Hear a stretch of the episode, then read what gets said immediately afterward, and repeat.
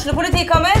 Ine Jansen er purk. Er du purk? The motherfucking bitch. Alt jeg vil, er å finne ut hva som skjedde med mannen min. Jon Carew. Er jeg sikta for noe? Iben Akeli. Det er du. Ole So, Lars Berrum og Big Daddy Karsten. Hvem sin side er du på, egentlig? Anette Hoff, Tone Danielsen, Kommer du fra Afrika? Jørnis Josef, Nesten. Kløfta. Trond Espen Seim, Det er synd å si det, men det var feil mann som døde. Purk. Premiere tirsdag på TV2 Play.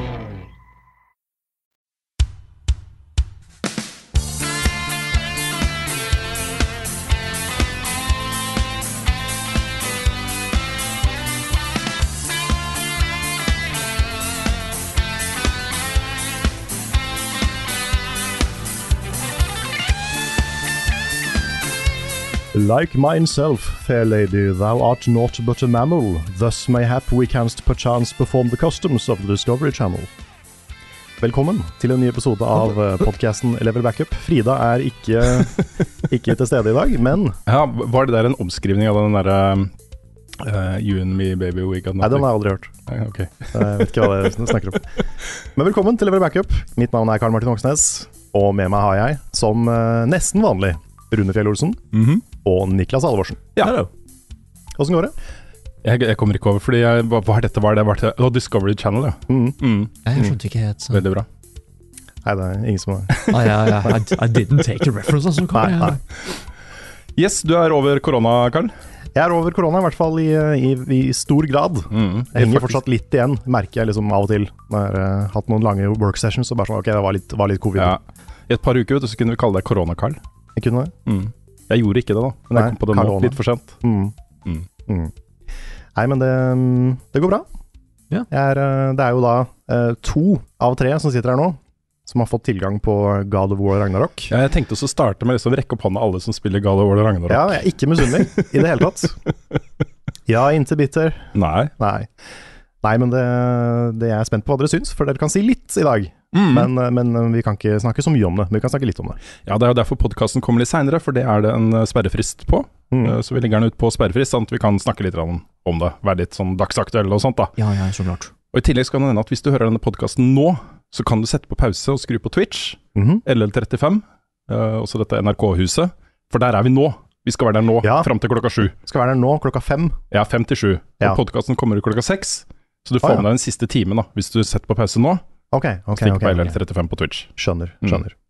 Og det er da i forbindelse med innsamlingsaksjonen, P3-aksjonen, som vi da også spiller inn i den vanlige innsamlingsaksjonen som er nå TV-aksjonen, som er nå i helgen, til inntekt for Leger uten grenser. Når vi får spørsmål om sånne ting, så, så er det jo veldig lett å si ja, da. Det er det. Støtter en god sak. God sak. Mm. Vi liker gode saker i Level Up.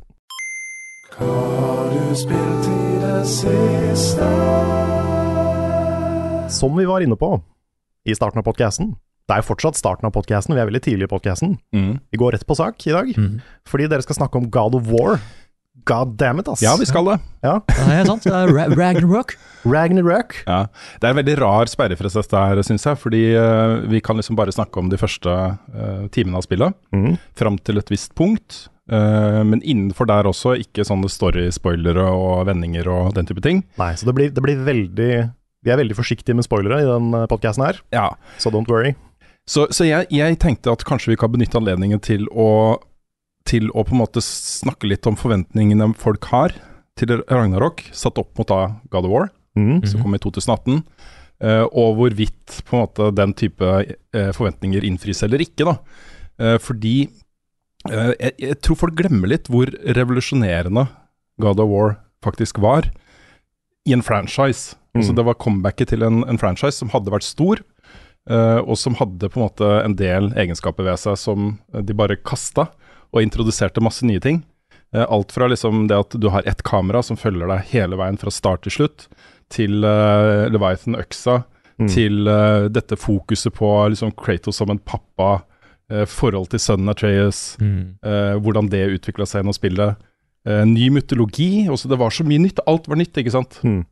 Um, og jeg har sittet med, egentlig siden de annonserte Ragnarok, en følelse av at Vet du hva, den følelsen av å spille dette nye monsteret her, kommer de ikke til å klare å gjenskape. Fordi um, nå er vi, nå er vi oppfølgerterritoriet, ikke sant. Mm. Dette er en oppfølger til et veldig populært og, og vellykka spill. Uh, hvordan Altså, de klarer ikke å gi den samme følelsen av undring og begeistring for det helt nye. Dette er en direkte fortsettelse. Historien fortsetter, gameplay-mekanikken fortsetter, osv. Mm. Um, og jeg satt litt med den følelsen de første timene. At uh, dette her føltes mer som en, en mer sånn tradisjonell franchise-oppfølger. Uh, alt fra liksom Call of Duty til uh, Tomb Raider, uh, God of War, um, Ratchet and Clank. Også der hvor man har jevnlige utgivelser uh, som både skal ta vare på det gamle og introdusere nye ting. Mm. Um, det er en ganske vanskelig øvelse. Du står litt i spagat, ikke sant. Um, og i hvert fall de første timene så jeg, jeg vil ikke si jeg sleit med å, å akseptere at dette bare var en vanlig oppfølger, men, uh, men det var litt sånn underwhelming da, de første, første timene for meg. Hva? Ja, jeg vet. Hva? Hvordan var det for deg, Nick? Jeg er, jeg er så motsatt her, altså, fordi jeg, jeg tenkte rett tilbake til God of War 2 og 3, med at dette her kjenner jeg igjen, og det ser jo grafisk ganske likt ut, siden det forrige så jo grisebra ut, liksom. Det er liksom ikke det svære hoppet som fra God of War 2 til 3, der det var nye konsoller, en ny konsollgenerasjon, men det var den der med at uh, mange av områdene kjenner du igjen, men nå, nå har det skjedd ting, vet du, fordi, kan jeg, kan jeg spoile som skjedde i det forrige spillet, eller må vi være helt tette? Dette er et veldig godt spørsmål, Nick, fordi det er så store jeg, altså jeg vil si at ikke spill Ragnarok med mindre du har spilt God of War. Mm. Um, Nei, nei, for- det er ganske store story relations som leder til eh, det spillet her. Ja. Også så mye som ikke gir like mye impact i det hele tatt, hvis ikke du vet hva de snakker om. Nei, det er en sånn recap du kan ha på starten, Ja. hvor du, men det er en veldig, veldig recap. Mm. Det er bare sånn Ting skjedde ganske fort. Mm. Uh, nei, så, så jeg er litt sånn uh, åh, Jeg har jo ikke lyst til å spoile det første heller, vet du. Nå har man sjansen til å oppleve noe skikkelig fett her, men det er en grunn til at, eh, at ting ser litt annerledes ut nå, da. Ja. Uh, kan man si. Og da fikk jeg den samme følelsen som at dette er så kjent, og det er bare så digg å være tilbake igjen. Det var egentlig det. Og Mm. og så var jeg egentlig bare favorittdelen min av det første spillet er jo de første timene, liksom. Ja, ja. Fordi det, det er helt ny mytologi, vet ikke helt hvem denne Kratosen er akkurat nå. Oi, det er en sønn der, og hvem er det de skal liksom banke opp nå, da? Så jeg var litt redd for åssen de skal klare å toppe det her nå. Men jeg føler at den starten er. Kan jeg si om det er bra eller ikke, eller er ikke det lov? Ja, om hva vi syns om starten, kan du si. Ja, starten er dritbra. Starten er helt konge. Det er um, Det, det starta akkurat på den måten som jeg håpa på at det skulle gjøre, hvis jeg sammenligna det med det første spillet, da. Eller det Mm. første, det forrige spillet. Eh, og så langt jeg har spilt i eh, 15 ish timer, og jeg syns fortsatt sta starten er Starten er fortsatt kanskje min favoritt, altså. Ok. Vi kan jo si hva det går ut på, fordi det er jo kjent informasjon. Um, det viser seg i starten av dette spillet at, at Atreus har jo drevet litt sånn etterforsking på egen hånd. Han leter etter Tyr. Han er overbevist om at Tyr fortsatt lever, og leter etter spor. Og får med seg da Kratos i et sånt redningsheist for å redde Tyr, men de vet jo ikke om Tyr er der eller ikke. Og så Kratos tror jo ikke noe på han, Mm. men er med han, ikke sant. Mm. Eh, bli med for å Ja. han og alt dette her. Eh, og Tyr er jo den eh, norrøne krigsguden. Mm. Han er God of War bare i Norge. ja, og jeg må jo si da at, eh, at um, siden vi har sett bilder av Tyr, og han er med i traileren og sånt, så er, kan det vel hende de finner han. Ja, jeg vil jo kanskje tippe det. Vil tippe at Ellers er det veldig misdirect. Eh, han er jo da i Svartalfheim, som er på en måte den første nye realmen du får reise til. Da. Vi hadde en diskusjon eh, da det ble kjent at det var Svartalfheim, eh, om det er liksom, er det alvenes rike eller er det dvergenes rike. Ja, for det er vel på en måte begge deler? På en måte begge deler. Ja. Og Det er jo sånn gruvedrift her, da, som da dvergene står for. Um, og jeg må si også Tyr elsker den rollefiguren, ass. Jeg elsker den rollefiguren. Han er så kul. Um, fra, helt fra starten av, som uh, rollefigur. Hva syns du, Nick? Jeg, jeg er så stressa for Jeg veit ikke hva jeg får jeg, Hva får jeg le Nei, f- Fram til de forlater Svartalfheim, kunne vi snakke om. Ok. Jeg syns det er kjempeinteressant. Um, jeg hadde veldig mange ideer i åssen jeg forventa den karakteren her skulle være.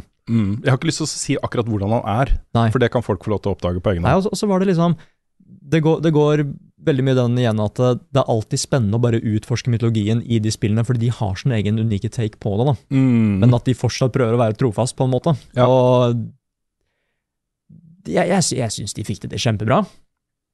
Um, Wow, dette er skummelt å snakke Ja, om! det er om, kjempeskummelt. Eh, nei, men jeg bare Igjen, akkur akkurat som det du snakka om, at jeg venta litt på Jeg var litt redd for at eh, Jeg holdt på å si nesten som House of the Dragon nå, er magien liksom bare i det første jeg har sett. Den første serien eller det første spillet. Mm. Jeg håper det kommer ett øyeblikk som får meg tilbake igjen til ja, det jeg følte da jeg spilte det for, første for første gang. da. Mm. Og jeg, jeg føler at de fikk det til, altså.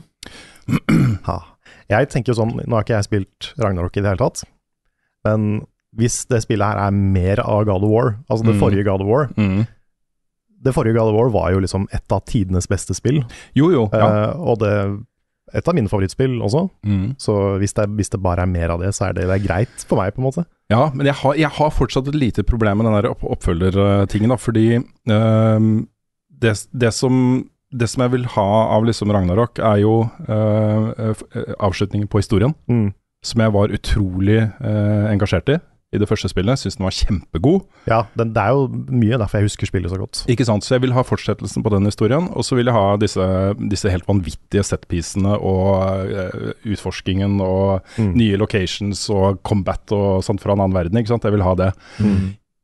Jeg altså, Rent personlig så syns jeg det er litt unødvendig å iterere så mye på um, God of War fra 2018 her, for de har gjort masse endringer i UI og måten du bygger opp abilities og hvordan armor fungerer, og masse sånne ting også, ikke sant. Mm -hmm.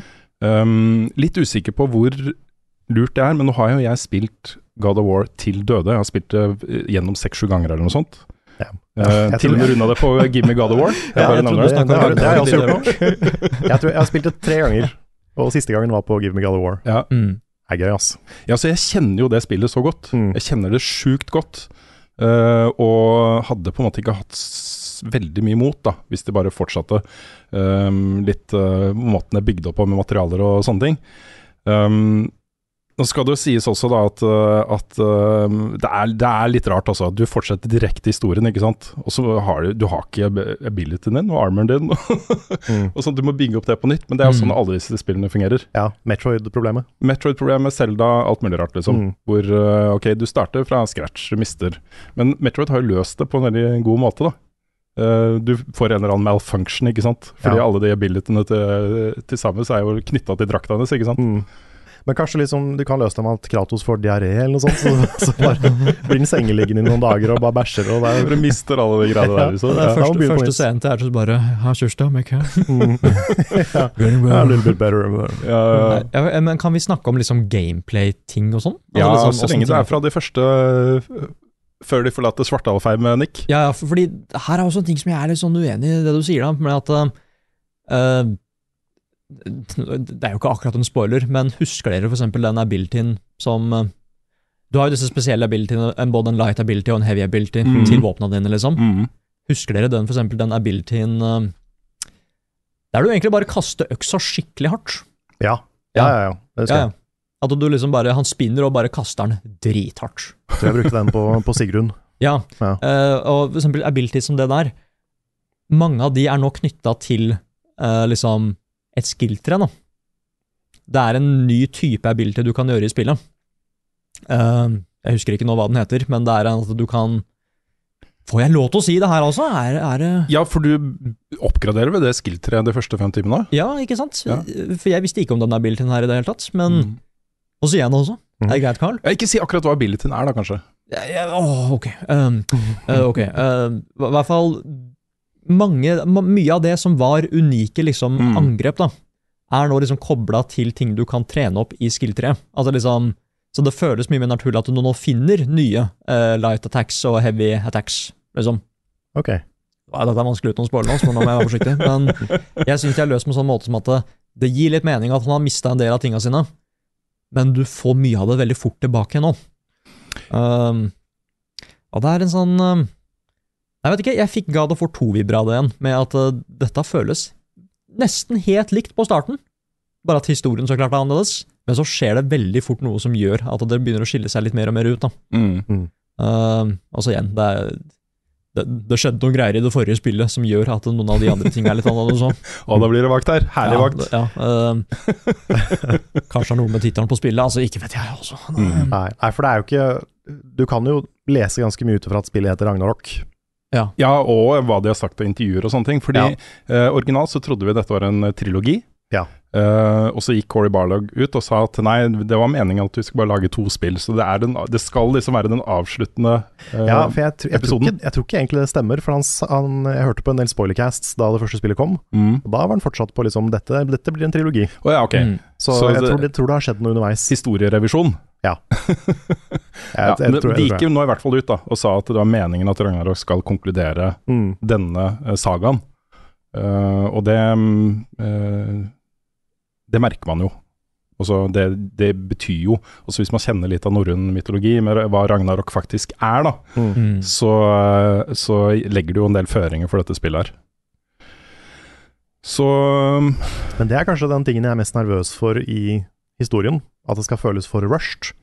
Fordi God of War, det forrige spillet, det tok seg så god tid med å Mm. fortelle historien sin, og det er egentlig en ganske liten historie, sånn Mm. hvis du ser på liksom de store kosmiske Og så skjedde det, og så skjedde det, og så Ja. skjedde det, og så skjedde det. Det er måte det er en, en liten sånn roadtrip, Mm. eh, hvor det skjer, det skjer jo ting underveis, men det er ikke så store bombastiske ting som skjer. Så det er veldig mye som da jeg ser for meg da, som må skje i det spillet her. Mm. Dette er interessante betraktninger som vi ikke kan si noe om uh, nå. Det vet jeg. Så det, det er bare jeg som tenker litt høyt. Ja. Ja, nei, men det, det er jeg litt enig med deg i også. Fordi øh, det aller, aller viktigste det må naile det spillet her, er uh, historien. Mm. For Mm. meg. Ja. Fordi gameplay er liksom også til Santa Monica Studio. De har noen av Mm. verdens beste utviklere. De har et rammeverk som fungerer som bare det. med rollefigurer og gameplay-mekanikker og alt som bare er fett, da. Ja, men det, det også, for jeg, jeg har ikke spilt mye av de gamle spillene, men jeg har spilt litt. Og det kampsystemet sliter jeg litt med å engasjere meg i, for det blir litt for sånn uh, beat em up, button mashy for meg. Men Ja. det nye kampsystemet Mm. er så utrolig fuckings bra. Mm. Det er kanskje Det er et av favoritt-combat-systemene mine i noe spill noen gang. Oi, oi, oi. Mm. Det er store ord, jeg er ikke uenig. Nei. Ikke uenig. Det er så, det er så responsivt, og så liksom Det er så, det er så mye sånn tyngde i det. Ja, det, det, tyngden er utrolig essensiell. Altså hvordan de får uh, Leviathan-øksa og de andre våpnene og ting, abilityen og sånn til å uh, virkelig bare føles Mm. sånn visceral. Sånn dette er liksom Det Ja. skjer ting. Når, du, når du blir god i det kampsystemet, liksom, Ja. når du tar Sigrun og, og sånn, Mm. det er, det er sånn top ten gaming moments, ass. Ja, da, da blir du kul, ass. Det, Da blir du kul. Ja, og så er det disse her eh, Nå må jeg bare dobbeltsjekke igjen. Får jeg lov til å liksom prate om kontrollen og sånn? Ja, kontrollene må jo være innafor. Får jeg lov til å liksom prate om åssen de har liksom eh, Det er fortsatt R1R2 du slår med, altså. Nei, nei, nei, ja, ja, det, det Ja, er det, ja. men nå, nå driver jeg og hvordan skal jeg Får jeg lov til å liksom prate om åssen ting reacter på det du slår på og sånn, eller er det en Jo da, det er må du kunne si. ja. uh, Nei, fordi eh, disse derre Hva heter disse nye triggera til PlayStation 5-en? Adaptive? Adaptive triggers, er det ikke det? Heptic, adaptive, ja. Ja. Ja, med haptisk feedback. De, de gjør en så god jobb, altså. Ja, jeg er helt enig. Ja, for du får den der motstanden. Ja, ja, ja. Ja. Mm. Men ja, fordi du merker liksom at de er satt opp til kroppen til Kratos, på en måte, så skjer det ting, så merker du det på kontrollen. Mm. Um, men det som også er kult, er at Og dette er en veldig sånn barnslig kul ting, men det er ganske kult. Er at eh, folk mister jo armer og bein og huer og ting og tang når du slår dem, ikke sant? Det gjør fort, de gjør fort det i God of War. Og min favoritting i det forrige God of War var at du kasta en øks, og når du da fikk den tilbake igjen, så kunne du treffe andre folk på veien. Mm. For det var en sånn 'Å, jeg bomma', hæ? og så fikk jeg liksom øksa så fikk han øksa bak. Ja. Og skal jeg si en kul ting som skjedde her, da. Eh, Ikke spoiler. Ganske fett. Jeg kommer til å putte i anmeldelsen, altså, for det er mitt favorittkill jeg har gjort så langt. Mhm. Jeg kasta øksa og bomma sånn skikkelig. Men jeg tenkte at det hadde vært kult hvis jeg fortsatt drepte han på veien, liksom. Han ble delt i to på veien. Han ble liksom kutt... uh, han, han, Stavårs Wars-spoiler, han ble Darth Maul der, rett og slett. Så Ja. den øksa kom tilbake igjen. Ja. Og den hadde en sånn kul ark på veien, så det så nesten ut som at jeg hadde planlagt det. Som at liksom, Siden han sto akkurat der, og du kasta så feil, så skal vi gjøre det fett for det, da. Ja. Så den fikk en sånn fin bue, kutta den opp, jeg tok tilbake øksa, og den andre halvdelen av kroppen hans traff bakken, da. Hmm. Nei, det bare Jeg ble sånn Ja, dette føles like bra ut som det det var siste gang. Nei, vent litt, nå kutta jeg huet hans òg, ja. bare bisekta han, eller hva det heter, og sånn. Og bare Det er sånn eh, Det er barnslig, men kult, altså. Jeg liker det. Ja, det er um, Det er litt spesielt med det spillet at det er så brutalt i decapitations og sånne ting, men også det er ganske mye banning her. Ja. Det, er, det, det føles riktig da, for det spillet. Eh, det er ikke sånn at alle går rundt og banner og sier fuck, fuck, fuck hele tiden, liksom. Nei. Det er Brock- særlig én av rollefigurene som gjør det. Brock er jo sånn han sier jo fuck fem ganger per setning. Ja, ja, ja. Men, det, men det, er, det, det passer så godt i dette universet og måten de forteller historien på, og uh, målgruppa for eh, spillet, Mm. uh, syns jeg, da. At uh, det er såpass uh, her, her litt tilbake til Metal Helsinger, fordi jeg, jeg savna jo Jeg, savna, jeg syns jo det burde vært mer Metal. metal, liksom. Det Mm. burde vært nærmere Doom, da, i, i visuelle uttrykk og hva som er mulig å gjøre. Mm. Isteden så gikk de for en sånn tolvårsgrense rytmespill med sånn koseversjon av helvete og, og sånne ting. Um, jeg jeg syns det hadde blitt bedre da, hvis de hadde tatt den litt mer ut, Mm. rett og slett. Uh, og her er vi, vi snakker om liksom Ragnarok og norrøn mytologi og krigsguder og uh, livsfarlige våpen og abilities og sånne ting. Uh, jeg setter pris på at det er uh, et uh, ganske sånn voksent uttrykk i spillet. Mm. Ja, og jeg, jeg har vært borti mange historier som har tatt akkurat den samme med Ragnarok og vært liksom inspirert av norrøn mytologi. Og da, da er det så kult at det er et spill som faktisk respekterer hvor svært det egentlig skal være. da. Det føles faktisk ut som en ganske big deal at vi nå er i denne Ragnarok-fasen og sånn. Mm. Eh, sånn som det forrige God of War gjorde òg, at du merker skalaen så godt på det du gjør. Og eh, Nei, men jeg være forsiktig igjen, men jeg, jeg, jeg, jeg, syns bare de, de første timene var så magiske, altså. Jeg, jeg ble dratt tilbake igjen og Det hadde vært gøy hvis jeg fikk kattunger igjen, for det skjedde jo sist gang. Da jeg Ja, sant, ja. Det. Mm. Ja, dag, det som natta jeg spilte, så dukka det opp kattunger. Jeg har Ja. ikke noen katter i huset nå, men plutselig så hørte jeg et eller annet, kanskje. ikke sant? Ja, plutselig så bare var det kattungen der. Nei, men det var en sånn der bare at jeg var, jeg var redd for at jeg ikke skulle få de magiske øyeblikkene igjen. Så tok det ikke så lang tid før de begynte å dukke opp. Mm. Ha. Jeg foreslår vi, vi runder av med et, eh, litt sånn derre uh, prediction basert på Nei, det blir kanskje vanskelig, for du har 15 timer, og jeg har 25 timer i spillet nå. Prediction på hva, hva, hva som skjer seinere? Nei, ikke sånn, men sånn generelle inntrykk basert på de første timene, liksom. Jeg har, Ok. om, ehm, Ja, vi kan komme med fake spoilers, da. ja, det vurderte jeg, å lage en liste med fake spoilers. Jeg kom på en del, men jeg, jeg vil ikke gjenta det. Siste boss er sånn egyptisk gud. ja, ja, ja.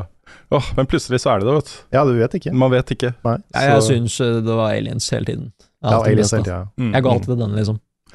Det jeg i hvert fall kan si, da, basert på de første timene, er at uh, også det inntrykket vi har hatt på forhånd eh, av spillåret 2022, med liksom Elden Ring som ene enden av sandwichen og God of War som den andre, Uh, det er ikke noe som har gjort at jeg har endra oppfatning på det. Nå kan jo Callisto Protocol komme inn uh, som en sånn, uh, sånn cherry on top på den, men, men dette er med rette og med god grunn eh, en av de aller, aller største utgivelsene i år, da. Mm. Um, og um, jeg må jo si jeg sitter jo bare og spiller dette nå. Det er det Ja. eneste jeg gjør fra jeg våkner til jeg legger meg. Og det å sette av en hel dag nå til podkast og så stream, Mm. det er tøft, også! Ja, vi, Ja. Men det, selv om du, eh, du var litt mer kritisk til de første timene, Nick, du, du koser deg jo med Ja, ja, ja. Nei, det var, jeg har bestemt meg for å bare snakke om liksom de følelsene jeg satt med de første timene. mm. Mm. Eh, og jeg har ikke lyst til å si så mye om hvordan de endrer seg over tid. Nei. Men, eh, men uh, rent generelt så, så tok det nok litt tid. eh, hvor eh, hvor eh, jeg tenkte tilbake også, Det er ikke Corey Barlog som regisserer dette her lenger. Hva betyr det? Han er creative Ja, ja, director ja. nå. Mm. Um, her kommer inn et nytt team som skal bevise ting. De må legge til gameplay-mekanikker som ikke var der i det forrige spillet, for å tilby noe nytt. mm. Eh, og satt og fulgte veldig med på det, da. Ikke sant? Og ble litt distrahert av det. Fordi, um, fordi altså jeg, jeg tenkte det, det som slo meg mest, var uh, Tomb Raider-serien, hvordan den utvikla seg. Som jeg spilte sånn religiøst av hver eneste utgivelse. Da hadde du Tomb Raider 1 og 2 som de store, store, store spillene. Mm. Og så begynte declinen, liksom, med Tomb Raider 3. Uh, og da var det sånn hver gang uh, de introduserte sant, nye greier hele tiden, liksom. Uh, og færre og færre av de nye greiene fungerte, liksom. Og det fjerna seg mer og mer fra det jeg likte med, med spillet, da. Så jeg ble veldig distrahert av eh, det i starten. Jeg koste meg jo fortsatt, da. Mm. Og så var sånn, det var ikke snakk om at dette var noe dårlig, liksom. I det hele tatt. Jeg elska det jo, jeg syns det var kjempebra. Men, eh, men eh, det er et poeng for meg, da. Mm. At God of War 2018 er den klassikeren det er. Mm. og var så unikt og revolusjonerende uh, som det var da det kom. Ja. Um, det prega i hvert fall mine første timer. Og så kanskje det endrer seg og utvikler seg og sånne ting. Jeg kan også nevne at sperrefristen for anmeldelse er jo neste torsdag klokka 18.00. Ja. Så um, en snau uke til. Um, Nei, er det, stemmer det? neste torsdag? Er det ikke lenger til? Det er 2. november. Jeg, kan, jeg sitter med dokumentet her nå. Er ikke det, er ikke det to Men det er 21. nå? Um, tror, jeg tror kanskje vi har en uke til. Altså. er det ennå en uke til? Jeg tror det er enda jeg en tror uke. Torsdag 3. november. Da er det ikke neste uke. Da er det Er det det? Nei, slutt å tulle, nå må jeg se, skal vi se. Fordi da har ikke jeg så god tid som det jeg trodde. Skal vi se. La oss nå sjekke kalenderen her, da. Uh, nå sjekker jeg kalenderen. Ja, Det er to uker til for pokkeren. Fy To søren, uker til. Det er to uker til! De var så hyggelige med kona her, altså. Det er, uh, jeg hater å få spill liksom et par dager før release, liksom. Ja. Eller ja. før embargo. Det å ha så god tid på det her. Mm. Jeg sitter jo Det er sånn Jeg klør jo i hele kroppen etter å spille det her. Ja, ja, ja. Så, så jeg sitter sånn Tenk om det hadde vært en sånn tacked on multiplayer eller et eller annet som jeg kunne argumentert for å få en kode til. Ikke sant? Men jeg, jeg, fin, jeg finner ikke noen gode argumenter for å liksom be om en kode. Jeg, jeg tenkte jeg, min, min funka ikke, altså. Vi må sende en til. Ja, altså bare winkety wink, wink. Nei, eh, men- også, eh, vi, vi kan spørre Silje.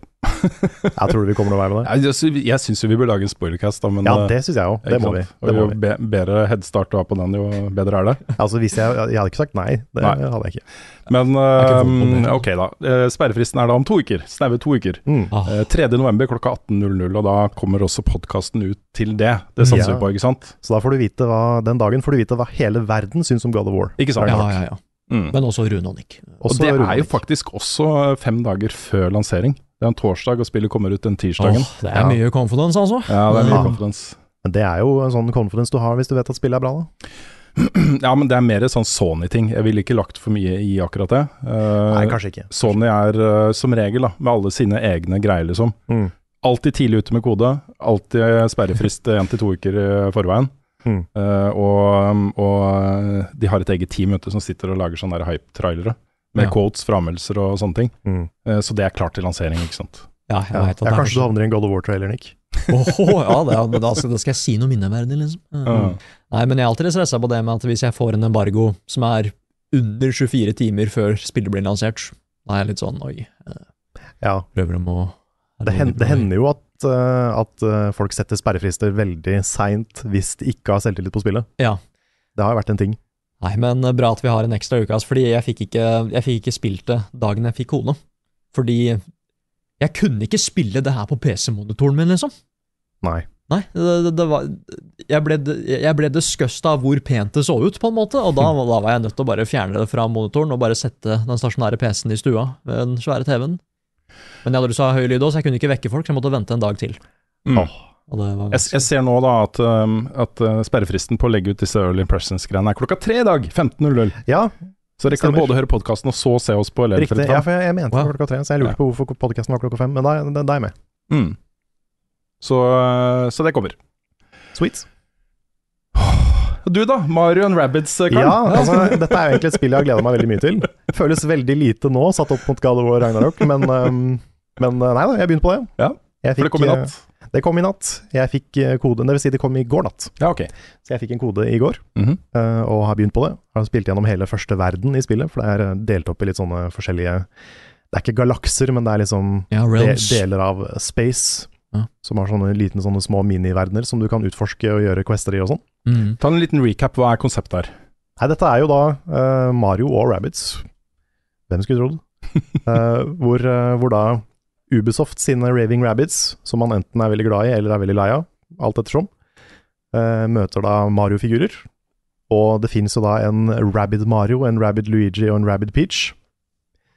Um, og i det første spillet så var det, det var et taktisk RPG. Uh, som vil si at det er altså litt den der XCOM-viben hvor du, det er turbasert, og du, er, du får en runde hvor du styrer figurene dine. Du kan bevege deg, du kan eh, angripe en eller to ganger. Og så går turen over til motstanderen, som kan gjøre det samme. Og så skal du komme deg gjennom diverse fights og, og sånne ting. da. Det som var så kult med det første spillet, var at du fikk så mye frihet i hva du kunne gjøre. Og det var så mange steps du kunne ta hvis du, hvis du var god, da. Så hvis du oppgraderer Mario, for eksempel, så kan han hoppe på så og så mange fiender, og dytte borti så og så mange fiender i løpet av én turn uten å liksom bruke en move på det. Oi, OP. Det er ganske OP. Og så kan du liksom hoppe på allies for å komme lenger bortover på mappet, for å, for å nå fram til flere fiender. Mm. Og så er det sånn, det er så mange steps du kan ta da, for å få liksom maksimalt ut av hver runde. Og hvis du, fakt, hvis du først blir god på det, så kan du liksom Da, da føles det veldig, veldig bra. Ja, hva er det mest crazy du har gjort? I det første spillet Det husker jeg ikke. Ja, ja, kan du si det i andre òg, eller? Med mindre det er spoiler, da kan du. Men er, er det ett move du har gjort som virkelig liksom stood out? Nei, ikke egentlig. Men jeg, jeg tror jeg 100 av det første spillet gjorde de vanskeligste tinga. Men um, en ting som er litt kult, er at Luigi For du har sånn team jumps, som det Mm. heter. Hvor da du kan flytte på en figur, og så kan du flytte på en annen figur. Og den andre figuren kan hoppe på den første figuren for å komme enda lenger bort. Men Luigi er den eneste som har sånn dobbel team jump. Så da kan du, du kan ta en figur, en annen figur, og så Luigi. Så du, du kan liksom bevege deg over hele mappet på én runde. Wow. Og sånne ting er litt gøy, da. Ja, det er kult. For da kan du liksom Da kan du speedrunne forskjellige jeg, jeg liker jo liksom å prøve å komme meg gjennom en fight på kortest mulig tid, Mm. eller på færrest mulig turns. Så eh, da er sånne ting litt gøy. Synergy. Ja, ja, ja. Det er det XCOM trenger, liksom. Hoppe Ja. på folka sine. Tenkte jeg skulle demonstrere litt av det på, på, på streamen i, i kveld. Ja. For vi skal spille Mario Rabbits på stream. Den klirrelyden hørtes ut som sånn der, uh, pose med ølflaske, men jeg Ja. kan da informere meg at det er sjokolademelk. Det er uh, Hva heter det? Ko Kokio? Kokio sjokolademelk. Kokio sjokolademelk. Det er så uskyldig. Det er sånn, eh, det er sånn God of War launch party, bare med sjokolademelk. Ja, det er sånn, Vi dro det til baren og drakk sjokolademelk. Yes. Men, men nei, Sparks of Hope er jo oppfølgeren. Det er det andre spillet. Og veldig mye er likt. Men istedenfor den der griden som du hadde i det første spillet, med sånne firkanter som du kunne, kunne gå på, så er det helt åpent. Det er mer en sånn sirkel som du kan bevege deg i. Uh, og du kan bevege deg så mye du vil innafor den sirkelen. Uh, og så finnes det jo måter å gjøre den sirkelen eh, breiere på. Det måter å uh, Sånn som den team jump-greia, hvor du kan hoppe til en annen del av banen. Mm. Så det er veldig mye bevegelse. Um, men så fort du angriper med da de gunsa du bruker, for Mario har jo guns i det spillet her, Stemmer det. eller sånne blasters, og så fort du angriper, så kan du ikke bevege deg. Så det som blir mye av, av målet, da, det er å gjøre mest mulig før du angriper. Så hvis du har noen buffs, hvis du har noe, eh, noen planer for hvor du skal ende opp, du må gjerne spille litt defensivt, så du må være bak cover og sånn. Ikke bare stå ute i det, i det fri og bli skutt ned av alle fiendene. Så du må på en måte hele tida tenke på posisjonering, tenke på å få maksimalt ut av eh, hver eneste move, og upgrade figuren din for å kunne gjøre mest mulig på på én move. Så det er veldig sånn taktisk og veldig eh, veld, Veldig eh, det, det blir liksom ganske innvikla etter hvert, på en måte som ikke blir overveldende, Mm. liksom. Det, du, du får bare mye å, å jobbe med. Og jeg syns det er kjempegøy. Ja, Det høres sikkert ikke så gøy ut når man beskriver det i en podkast, men det er Det høres sikkert like gøy ut som God of War og Ragnarok. Nei, det, det gjør det ikke. Ja, men- det er, men det er ikke sikkert det er så gøy, men det er veldig gøy. Ja, jeg har spilt så mye XCOM, og det, det begynner å ta mer og mer fra det. Når du Ja. sier at det, det er en svær sirkel fremfor en svær grid, for eksempel. Mm. Ja, og jeg, jeg syns det høres kult ut, altså. Jeg har ikke spilt det første, da. Um, Nei, jeg tror du hadde likt det. Men uh, vi får jo se litt av øh, det andre spillet etterpå. mm. Jeg tror du, jeg tror du hadde likt det. Ja, for da, da kan du selge det her nå, liksom. Ja, jeg har litt sånn håp om å klare å selge det litt, da. For jeg Mm. liker det veldig godt. Må jeg ha spilt det første liksom historiemessig, eller? Er, Nei. Det, Hvorfor ler du av det? Det er jo, det er jo en story, men det er ikke en veldig viktig story. Eller det, den er ganske enkel. Ja, det, er satt opp mot liksom God of War. Mm. Hvorfor liksom advare folk bare Du må ha spilt det forrige gang. Ja, ja, ja. Nei, du må ha fått med deg den der scenen i Jotunheim i det første spillet for, for å skjønne Da, deg på da var det gøy Sparks hvis du sa nå at det bare Jeg kunne liksom akseptert i God of War Ragnarok, men her må du ha spilt det først. Ja, her må du ha spilt. Mm. Nei, men det er, um, det er veldig gøy, og karakterene er så forskjellige, og de er så, de er så versatile, som det heter. Mm. Så det, det, er så, det er så mange måter å approache en fight på, liksom. Favorittkarakter? Ja, men det. Akkurat nå tror jeg det er Rabid Mario, Mm. Okay. fordi han, er, han funker, funker som en sånn shotgun. At hvis du bare plopper han ned på en en cluster med fiender, så kan han skyte liksom som en sånn shotgun ut og bare angripe alle på en gang. Aha. Det er ganske kult. En sånn cone, eller hva den heter. Ja, en Ja, cone of attack, og det Peach også er sånn. Du bruker en sånn paraply til å shotgunne fiender. Ah, ok. Men, um, men det er også en ny character som heter Edge, som er akkurat så edgy som, som det høres ut. Og hun også er veldig kul. Hun har sånn svært sånn derre cloudbuster sword, ah, som hun kan kaste som en bumerang på fiender. Oi. Og bare angripe alle på en linje, liksom. Så hvis du posisjonerer hun riktig, så blir det også ganske bra. ja, for er det ultimate attacks og sånn her òg, eller er det Det er um, En ting som er nytt, er at du kan equippe sånne sparks, okay. som er uh, sånne små lumaer med rabid-ansikter, som har forskjellige abilities. Oi, åssen ser de ut, nå må jeg tenke. Så det er sånn du kan få liksom defense buffs og offense buffs og uh, dytte på fiender og sånne ting. Um, og så har alle en special ability, som er sånn unik for dem. Mm. Og så kommer det helt sikkert mer, for jeg er fortsatt bare på første verden. Okay. Så det kommer sikkert nye ting. Jeg vet at det kommer flere characters etter hvert. Jeg har jo akkurat nå så er jeg sju, tror jeg, characters. Men jeg vet at det er flere med. Og det er jo blitt hinta til et par characters som blir, eh, blir morsomt å få med. Men uh, dette her er Hvis du likte det første spillet, så kommer du til å like det her òg. Hmm. Det, det, det, det tar noen liksom friheter med, med combaten. Mest kanskje det at griden er borte, og at du eh, Det er litt forskjellig rekkefølge på, på hva du kan gjøre, og hvordan og når og sånn. Men det er veldig mye av det samme DNA-et, liksom. Ok. Den ene tingen jeg ikke liker, er at figuren har begynt å snakke. Oi, snakker Maro? Jeg liker ikke Mario, liksom, men, okay. men uh, rabbits prater. Ja, de kan det? Ja, og det er litt rart. Ja, det, For de snakker ganske vanlig. Oi, Altså, altså, altså ikke sånn voice acting, liksom, men, men de, de, de prater i liksom fullstendige setninger og sånn. ja, men ok. Og det er litt rart. Ja, er det, er det si? Klarer hun det? Jeg tror de liksom forklarer det med at de har bygd en translator, Ok. men, men de, ikke, de burde ikke være så smarte at de kan snakke i hele setninger. Huh. Tenker jeg. Ja, det var det var interessant. Og så er det en sånn humor som er veldig sånn Den blir litt for sånn wacky. Og, og den der roboten som på en måte er litt sånn maskotten for de spillene her, den har fått en voice actor. Og den er litt, for, den er litt sånn for mye. Og det, det er Kanskje det er litt sånn fransk humor, jeg vet ikke. Men det, det treffer meg ikke helt, ass. Det blir litt for sånn tullete, litt sånn teit for meg. Mm. Ja. Så humoren er litt sånn mer, mer bom enn den treffer. Ja. Så det er litt synd, for det var morsommere i det første. For det, det er morsommere når du ikke prater, syns jeg. Ja. Mm. Når det bare er liksom visuelt og kroppsspråk og sånn. Mm. Uh, sånn som at, uh, at Rabbid Mario er en sånn derre Litt sånn derre forførerisk uh, suave italiener. Det er morsomt. Men det er ikke like morsomt når han prater. Nei. Ah, nei, for jeg har, sett, jeg har sett noen scener fra det forrige spillet, og det er, det er definisjonen på show don't tell, for den humoren er så bra. Det, det er en hvor liksom Donkey Kong Rabbit detter ned, Ja. og da skal liksom Peach ta selfie av at han detter ned. ja. Så hun ja den scenen er kjempemorsom. ja, hun tar fem bilder, på et av bildene så kommer liksom Donkey Kong inn i bildet og også liksom tar en thumbs up. Ja, det ser han detter liksom gradvis nedover i alle bildene. Og så på ett av de så bare poser han sånn på kameraet. ja, så detter han ned nesten liksom. Ah.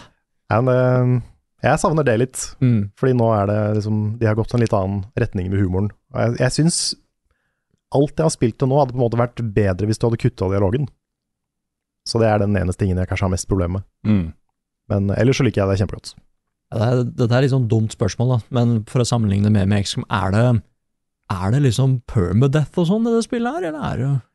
Kan, kan, nei, ok, nei, jeg tenkte at det kanskje ikke var det, men kunne liksom folk ha ikke dødd akkurat? Det Ja, hadde vært, Tenk om liksom Rabbit Peach bare kunne dø. Ja, Ja, ja. Hvis Mario dør, så er han ute av, eh, av alle Nintendo-spill forever. ja, og så er det sånt moralsystem, liksom, bare åssen skal vi fortsette videre nå? Nei, vi må bare knerte flere folk og komme i bedre humør, liksom. Ja. Og det, det, det ble plutselig skikkelig dark i Mario, vi, men må, vi må leave Donkey Kong behind, liksom. ja, nei, men liksom bare, ja, om det var et faktisk sånn type hardcore system, men det er jo Mm. Unga er vel ikke så tøffe ennå. Nei. Nei, jeg tror ikke det. Jeg tror ikke du får noe Det er ikke noe punishment for at noen besvimer eller dør eller noe sånt. Nei, okay. Så lenge du kommer deg Så lenge du overlever med én character, så klarer du det, liksom. Ja, ok, Ja. rett. Men eh, nei, det er gøy. Jeg koser meg. Det er en fin, fin distraksjon mens jeg venter på God of War. Ja, Og så kommer jo Sonic og Pokémon, og det blir en ja, det kommer jo omtrent samtidig. Det gjør det. Mm. blir en busy høst. Ja, det gjør det. Eller Det hadde vært en fordel for deg å fått gjort unna God of War før Ja. Sonic og Pokémon, egentlig. Det hadde jo det. Mm. Kanskje det er det jeg må si til Silje. Ja. Vi får uh, gjøre, gi det et forsøk, eh, Karl. Vi gir det et forsøk. Jeg har ikke veldig håp om at det skal gå, altså. Men eh, Nei, det er nok uh, mange som vil ha kode. det tror jeg. Er det ikke et par stykker? si at min ikke fungerte.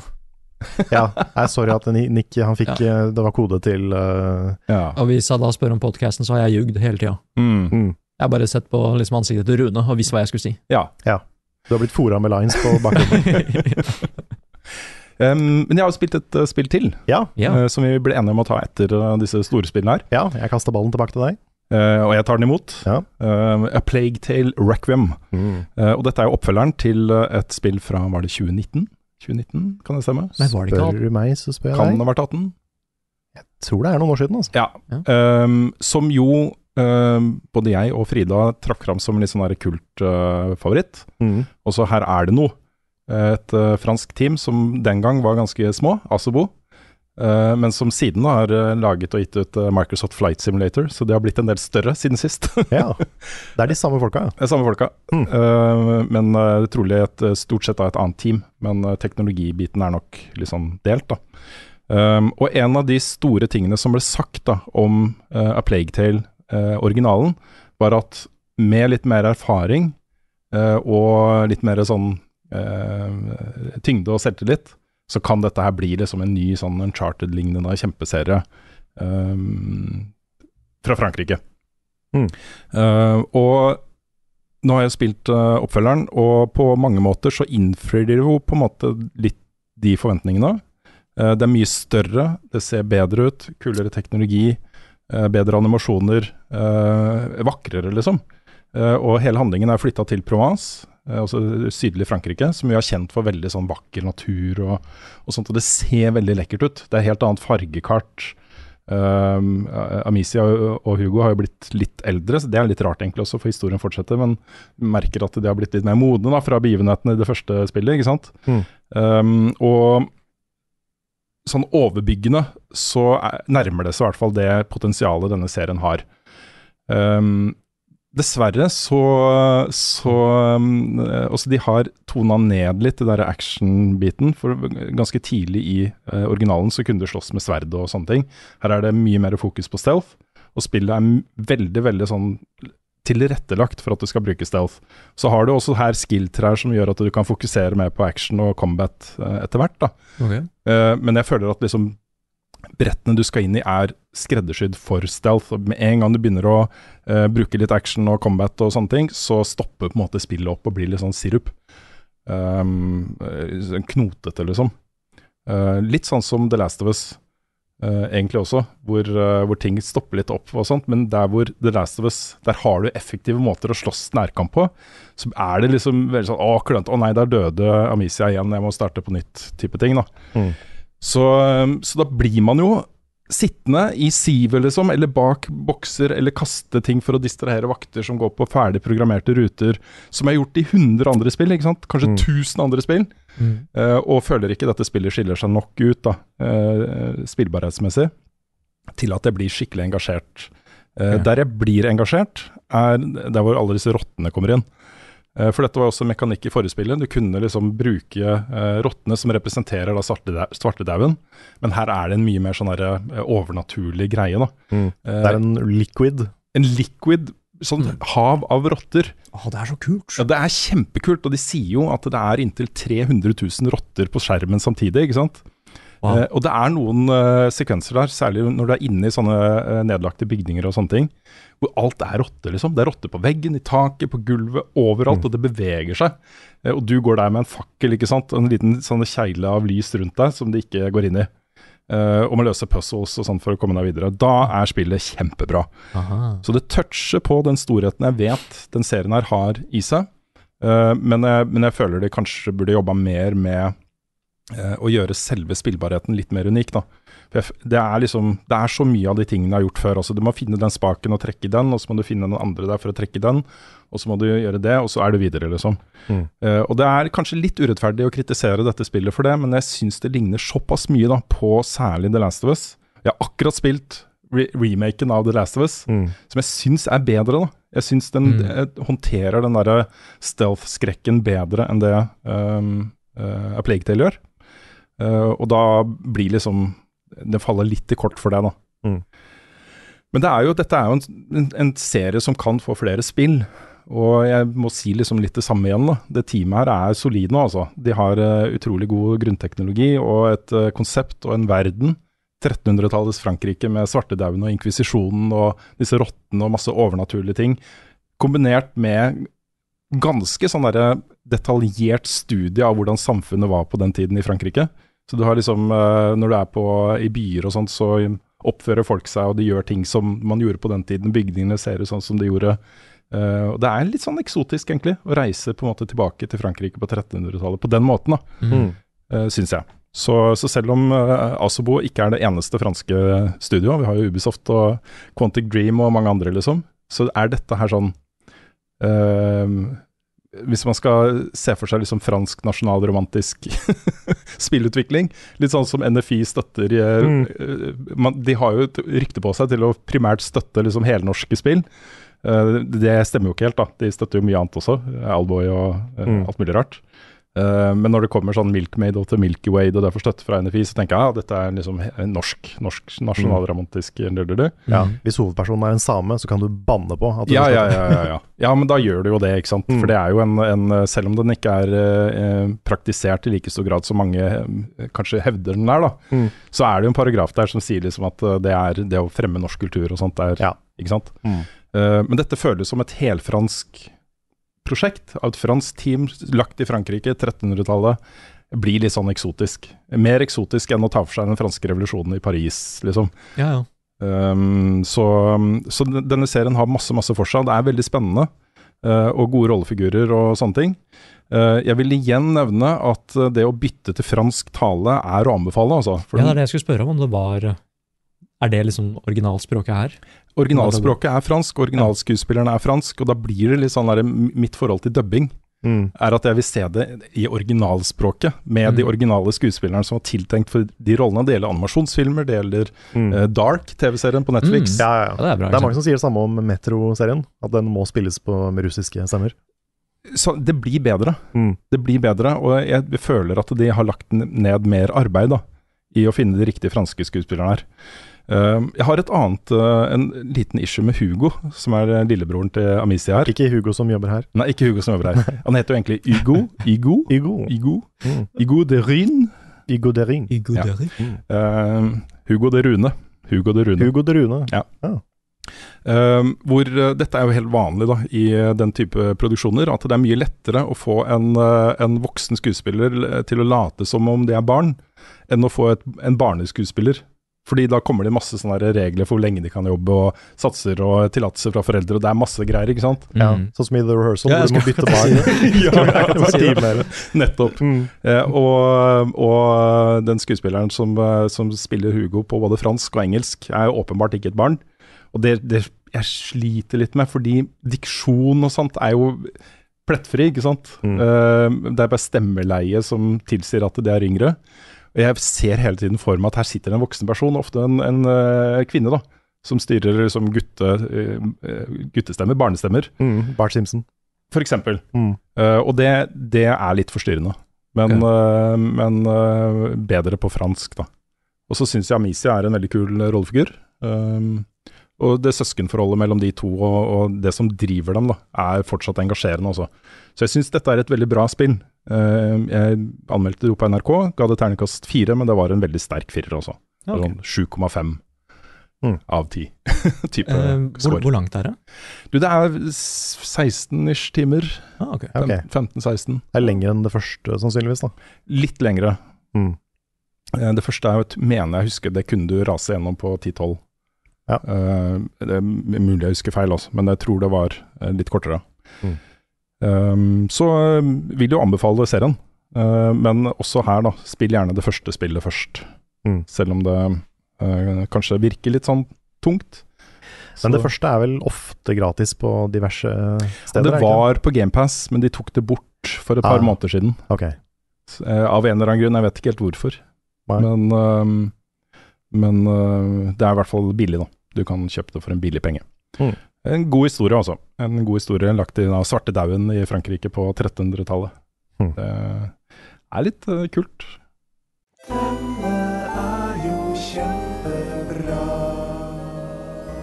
Ukens anbefaling. Denne gangen er det Nick som har en anbefaling til oss. Ja, det stemmer. Ja. Uh, vanligvis så kommer jeg med sånne stereotypiske Nick-anbefalinger og sånn. Mm. Anime som vanlig. Mm. Det er ikke anime nå. Det kan han med. Nå tar jeg en rune, altså. Ok? Ja, jeg, jeg har funnet en, eller jeg har ikke funnet en TV-serie, den dukka på en måte bare opp. Encroaching on the runespace. Ja, jeg gjør det. Sorry, Rune, nå er vi i det samme rommet også, så det er ekstra skummelt. Man Ja, kan banke vet aldri om han reiser seg opp og bare kommer og ja, jeg må, liksom, jeg må rundt Rune for å komme meg ut av kontoret. Ja, Så du må dette det er Du risky i business. hjørnet, så rundt. Men jeg eh, eh, Plutselig, på Disney Pluss Ja, Disney Plus, ja.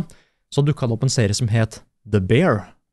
Åh! Har du- Åh, har du sett den? Har du Vent, vent. Nei, jeg skal se den. Ah, ok, greit. Ah, fordi nå, nå, ble jeg litt redd, vet du. Fordi jeg, jeg vil ikke at noen av dere skal sette den ennå. Ja. Men reaksjonen din passer, Rune, for det er dritbra, altså. Ha. Ja, Den får jo liksom toppscore overalt, og folk, Ja. det den er det mye snakk om nå. ass. Ja, fordi jeg husker at den starta i juni i Amerika, eller noe sånt. Men den var på Hulu eh, et eller, et eller annet sted jeg ikke fikk muligheten til å se den. da. Så de bare droppa hele sesongen nå, i, på starten av oktober eller noe sånt, på Disney Pluss. Og det er bra, altså! Hva, hva er det for noe? Jo, fordi nå når jeg kommer til det, vet du. Mm. Det er en matserie. Å ja. Eller det er en kokkeserie. da. Kokkeserie. Ja, det, det handler om at det er en eh, Det er en veldig begava kokk som eh, drar tilbake igjen til der han vokste opp, fordi eh, broren hans er død. Og da skal han redde restauranten som han etterlot, da. Mm. Som er en sånn sandwich-restaurantaktig greie. Er det restauranten som er The Bear? Nei, det er ikke restauranten som er The Bear. Ok. Jeg mener den heter The Beef, eller noe sånt. Ok. Men kanskje, Bear, kanskje navnet har noe med, det, med serien å gjøre, da. Mm. Ikke vet, jeg vet faktisk, men ikke vet jeg, altså. Nei. Nei, men, eh, men det det handler om, er at det, det går ikke så bra med denne restauranten her. Og nå, har de, nå er det også et crew som ikke helt vet hva de skal gjøre, fordi lederen deres forsvant, liksom. Så da dukker opp denne her eh, lillebroren, da, som skal prøve å fikse denne restauranten. Og det er kjempespennende. Det er, eh, den første episoden er noe av det mest stressende jeg har sett. Best fordi at jeg visste ikke helt hva jeg hoppa inn i. Du får bare ett sekund på bare ok, hvorfor er du her? Derfor er jeg her. Ok, greit, men vi må fortsatt lage mat, da. Uh, og det er en sånn derre Jeg har hørt at det er mange som har sagt at den er så bra fordi den virkelig får fram hvor stressende det er å jobbe liksom bak restauranten til sånne restauranter. Og jeg unner ikke de for, åh, er, Jeg har så mye mer respekt for dem. Mm. Fordi de får fram hvor hektisk det er. Er det sånn som eh, med Gordon Ramsay, som tar en, en brødskive på hver side av, eh, av hodet til en person og sier eh, what, what are you, what are you? I'm an idiot sandwich. Nei, heldigvis ikke. Nei, men det er en sånn derre eh, For å liksom prøve å beskrive det, da. Fordi det er Det går ikke så bra med restauranten. Eh, de har mye gjeld. Og situasjonen er så dårlig, og de sier tidlig at hvis vi mister én liksom, servering, så er vi på en måte ferdig. Så det, det, det, må, det må gå hver eneste dag, dette her. Mm. Og da er det mye mysterier, ikke sant? Fordi liksom, ja, hva, hva Hvorfor døde broren? Hva, hvorfor har restauranten så mye gjeld? Hvorfor er det så viktig for denne hovedpersonen å redde denne restauranten, ikke sant? Um, og det er en sånn derre Husker dere Hardhome-episoden i Game of Thrones? Ja. Ja, um, skal ikke si hva som skjedde der, men jeg, merka en sånn ny form for stress da når jeg så den episoden, og hvor intens TV kunne bli. Jeg skjønner hva du mener. Ja, Og det skjer på en måte på kjøkkenet her, da, som jeg syns var veldig morsomt. Fordi jeg syns det var komisk hvor intenst det blir. Mm. Uh, og da vil jeg også si at fordi hver episode er et problem som de må løse. Det skal liksom egentlig starte som en vanlig dag. Nå skal vi fikse, fortsette å fikse restauranten, vi må fortsatt liksom servere. Men så dukker det opp et eller annet et eller annet problem som de må løse. Og da er det alltid spennende å tenke bare hva er problemet, og hvordan skal de løse det. Mm. Eh, Ja, hva, sier, hva sier den der rotta som han har på hodet sitt under kokkelua? nå skal ikke jeg spoile, men det er jo en rotte der, da. Ja. Nei, nei, det Når Han den drar i håret til kokken, så Han har en bjørn på hodet, det er derfor det heter The Ja, Bear. Ja, Han har det en bjørn. Det er en bitte liten bjørn. Ja. Mm. Jeg har lyst på en annen referanse her òg, kan ikke si den, men eh, Nei, eh, nei og det er bare Karakterene er så relaterbare òg, fordi mange av dem er på liksom Første gang man ser dem, litt sånn douchebags, men det er liksom det jobben har gjort med dem. da Mm. Så blir man plutselig bedre kjent med dem. Bare, nei, de er jo ikke douchebags. De er liksom som fotballspillere i Ted Lasso. Altså, jobben har gjort det litt sånn, men Mm. de er jo snille på innsida, liksom. Gode på bunn. Ja, Ja. De er bare liksom skapt av denne her eh, jobben de er i, Mm. denne stressende tingen. Mm. Og da vil jeg si at uh, av alle, liksom, da kommer Dette har vært et bra år for TV, ass. Åh, yes. Liksom- Det er liksom Ringenes herre og ny Game of Thrones, og Severance var der, og Sandman var dritbra òg. Ja. Men det er eh, Better Call Saul. Better, Jeg glemte nesten Better Call Saul. Ja, ikke glem den. Nei, det, den er der òg. Men det er eh, Den her er på en måte up there, da. Mm. Eh, Ja. Spesielt da, skal ikke si hva som skjer, men det er de siste episodene.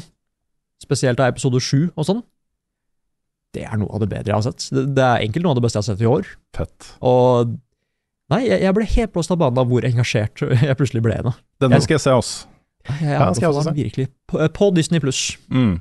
Åtte episoder. Ja, for den var først på en av de andre, og så ble den flytta til Disney Pluss Mm. for en par uker siden eller noe sånt, tror jeg. Ja, og de har sagt at sesong to er på vei òg, og det, åh, nei, det Jeg ble overraska hvor bra det var. Kult. Og jeg trodde ikke at det skulle bli så spennende, for bare ikke matserie. Mm. Jeg har sett mye matanime, så liksom skalaen er litt eh, høy for meg da, på hvor spennende det kan bli. Men allerede i den første episoden så var det veldig stressende. Jeg må helt klart ha på subtitles for å høre hva alle sier. Men jeg ble så engasjert i det, for jeg ville at det skulle gå bra med restauranten. Det er liksom en skikkelig underdog-story her, da. Mm. Nei, Så ja, jeg, jeg anbefaler den skikkelig. Bra tips, altså. Veldig bra tips.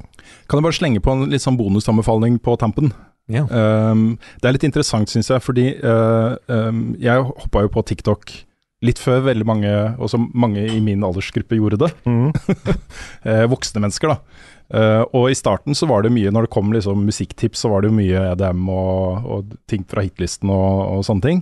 Men i det siste, det er kanskje pga. algoritmen da, som har tilpasset seg med meg, så har det begynt å komme inn en del sånne musikkforslag og anbefalinger og sånn som jeg følger, og som er gode, og som treffer meg skikkelig godt. Og en av de er en uh, elektronik elektronikartist som heter Fred Again, og så skrives Fred Again prikk prikk. Mhm. Det er liksom måten han skriver artistnavnet sitt på. Uh, og det er elektronisk musikk, uh, mye satt til dikt, som noen har fremført. Okay. Så dette er Han tar utgangspunkt i liksom fremførelsen av dikt og lager musikk rundt det. Og det føles litt som sånn derre elektronikadikt, da. Eh, det, det er noe annet enn dansemusikk, liksom. Dette er elektronisk musikk, men hvor ordene er veldig viktig. Uh, og den låta som gjorde at jeg begynte å grave meg inn i uh, det, det er litt morsomt, fordi Oi, jeg oppdaga en ny artist! Og så går jeg på Spotify og søker den opp, og så har den liksom 40 millioner avspillinger. Så det det, dette er ikke en ukjent artist i den sfæren, da. Men han har en låt som heter um, Sabrina, I Am A Party, som er basert da på en tale hvor en eh, da, som heter Sabrina, sannsynligvis, snakker om eh, angsten sin eh, i en veldig sånn eh, Hun er veldig engasjert da, i i måten hun snakker på. Eh, og kombinert med musikken til Fred Again, så blir det på en måte veldig, veldig sterkt. da. Mm. Eh, og den versjonen jeg hørte på TikTok, hadde han uh, livefremføring av den, hvor han hadde sampla inn Moderat også i tillegg, som er et av mine favorittband. Det er utrolig bra også. Så hvis du er på jakt etter litt stemningsfull og, og litt sånn ettertenksom elektronisk musikk, så vil jeg virkelig, virkelig anbefale Fred Again. Mm. Fred Ja. Again. Kan jeg slenge på en liten en, jeg òg? Ja! Fordi uh, vi snakka jo om The Rehearsal litt den, eh, det, det året her. Mm. Og da begynte det jo å flomme inn anbefalinger om å se Nathan for you. Nå har jeg sett alt Alt Ja, ja, ja. av Nathan for you. Mm. Jeg føler jeg kommer til å bruke resten av livet mitt på å prosessere det. Mm. Det, det er noe av det sjukeste jeg har sett. og det er sånn Det er så utrolig sånn balanse på, på linja mellom hva som er greit og ikke greit. Noen ganger så er det over grensa for hva som egentlig ikke er greit. Men de, altså de konseptene og ideene som han finner på i hver episode, de er så, de er så out there, og så det er sånn, Hvordan er det mulig å finne på sånne ting? Det er helt vilt. Som en av de er sånn fordi det er alltid et problem. Ja. Sånn som en, kanskje favorittepisoden min. Eh, det er jo en vektgrense for å få lov å ri på hest. altså overvektige kan ikke ri på hest. Så hvordan løser vi det? Løsningen uh, nå, nå spoiler jeg jo mye av episoden, men løsningen blir da massive heliumballonger. Og, uh, men, det er, men det er et problem til, for det oppstår jo nye problemer. Problemet da er at det er fugler som kan poppe ballongene. Så da, for å løse det, så kjører det en bil bak hesten med sånne svære, lange stenger, som de da først kan bruke til å dytte bort greiner, sånn at ikke de popper ballongene. Og for å distrahere fuglene, så er det en drone med et fugleskremsel som kjører rundt i himmelen. Og det er så Bare det bildet av den der drona med et fugleskremsel på, er sånn, det er noe av det morsomste jeg har sett. Jeg, sitter hjemme og griner eller noe. Ja, det er helt utrolig bra, altså. Mm. Hva er eh, Er det noen favoritt, Liksom, løsninger? Jeg tror den der drona med fugleskremsel er kanskje favorittløsningen min. Ja. Men det er, det er mange. Jeg husker jo ikke halvparten av de, for jeg har sett alt på ganske kort tid. ja, for min er også litt sånn at jeg, jeg klarer ikke helt å pinpointe alt sammen. Jeg tror min fortsatt er grisen, altså. Ja, grisen er kjempebra. Men eh, vi snakka litt om det i stad, men det er altså en hvor uh, det er en sånn der eh, house cleaning uh, service, liksom. uh, og da sier han liksom bare sånn at ok, greit, for å øke businessen her, da. Hvor lang tid tar det for liksom to house cleaners og rydde opp et hus. Så bare nei, vi kan klare det på sånn fire timer ish. Ok, da. Så hvis vi da går med den matten der, og vi sender inn 40 eh, stykker, hvor fort går det da? Og da blir det faktisk en ordentlig strategi, da. Ja, klarer vi å liksom gjøre rent et helt hus på åtte minutter? Hvis du har nok mates, så Ja, får du det. jeg, jeg, synes liksom, mange av dem er liksom det, det, er, det er en fin grense mellom galskap og genialt her, da. Mm. Mm. Noen av dem er faktisk ganske smarte, Mm. men eh, Nei, jeg lurer liksom på bare hvor gøy det må ha vært. Ja. Å faktisk finne på det, men også ha vanlige folk med her, da. Ja, for den der kombinasjonen med Veldig mye er jo i scenen Altså, det, det er jo planlagt, sikkert ned til hver minste detalj, liksom. Mm. Men det er jo ekte mennesker som er med. De Ja. folka som eier de butikkene, de bedriftene her, er jo ekte mennesker. Ja, Hvis man går på nett og søker opp uh, Nathan og, og sånn, så får man jo historier Mm. fra folk som har vært involvert i disse programmene her, som angrer og som er kritiske, og Mm. som uh, fremstiller på en måte opplevelsen som noe litt annet enn Mm. det man kanskje får inntrykk av. da. Ja. Nei, altså, Så- det er også en hvor liksom Jeg skal ikke si hva løsningen her er, men av og til så har han Han har det med liksom eh, bære en grudge sånn av og til. Så hvis det er noen som sa at eh, hvem er det som liksom ikke Hvem kan like deg, liksom? Så i en episode så skal han prøve å bevise at det er en som har hatt det gøy med å ha vært Ja. dagen. Liksom. Det, den episoden er amazing. Ja, så bare, Åssen kan vi bevise at en person faktisk har hatt det gøy? Ja, hvordan kan jeg vitenskapelig bevise at jeg er gøy å henge med? Ja, det er én ting der jeg bare Ja, det er noen grenser som det, er, det er noen ganske alvorlige grenser som blir Og da må man ta det talk etterpå, ikke sant? bare hva dette her egentlig var. Og det Mm. er mm. jeg ble, Nå hadde jeg vært så stressa, men det, det er så interessant. mm. Det, det er på grensa til at jeg, jeg klarer ikke å se bort heller, for jeg må jo se hvordan dette her Mm. faktisk fungerer. da. det, er, det, det er sånn Du blir så fascinert av hvordan de vanlige menneskene reagerer på all galskapen, på en måte. Ja, ja, ja. Det er også en av de andre favorittepisodene mine, er Best Buy. Eh, altså den, Ja. den lille, lille elektronikksjappa som blir utkonkurrert av Best Buy. Så um, planen er å selge TV-er for én dollar, men Best Buy har prisgaranti. Så da, går de, da drar de på Best Buy, kjøper alle TV-ene for én dollar. og så, for at ikke han skal selge de for én dollar, så har de en streng dress code i butikken. Ja. Så alle kundene blir sendt hjem hvis ikke de har på seg dress. Og noen kommer da tilbake i dress. Ja. Men da må de finne TV-en, og den er på bakrommet, hvor du må, du må krype gjennom en sånn liten gang. Det er sånn hinderløype, liksom. Så en liten hinderløype. og så rett foran TV-en så er det en levende alligator.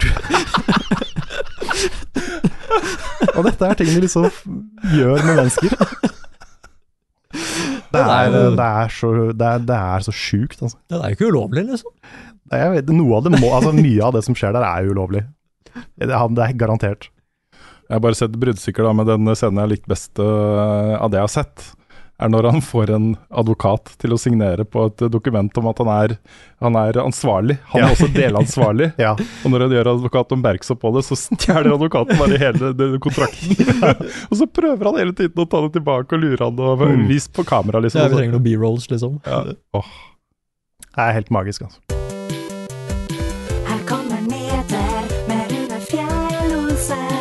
Og han har ikke hår.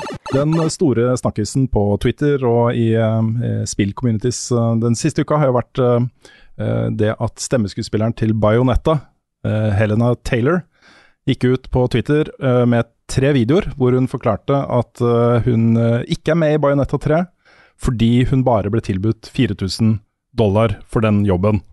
Eh, hun oppfordra til boikott, eh, og satt på en måte litt søkelyset på eh, bruk av stemmeskuespillere i spill.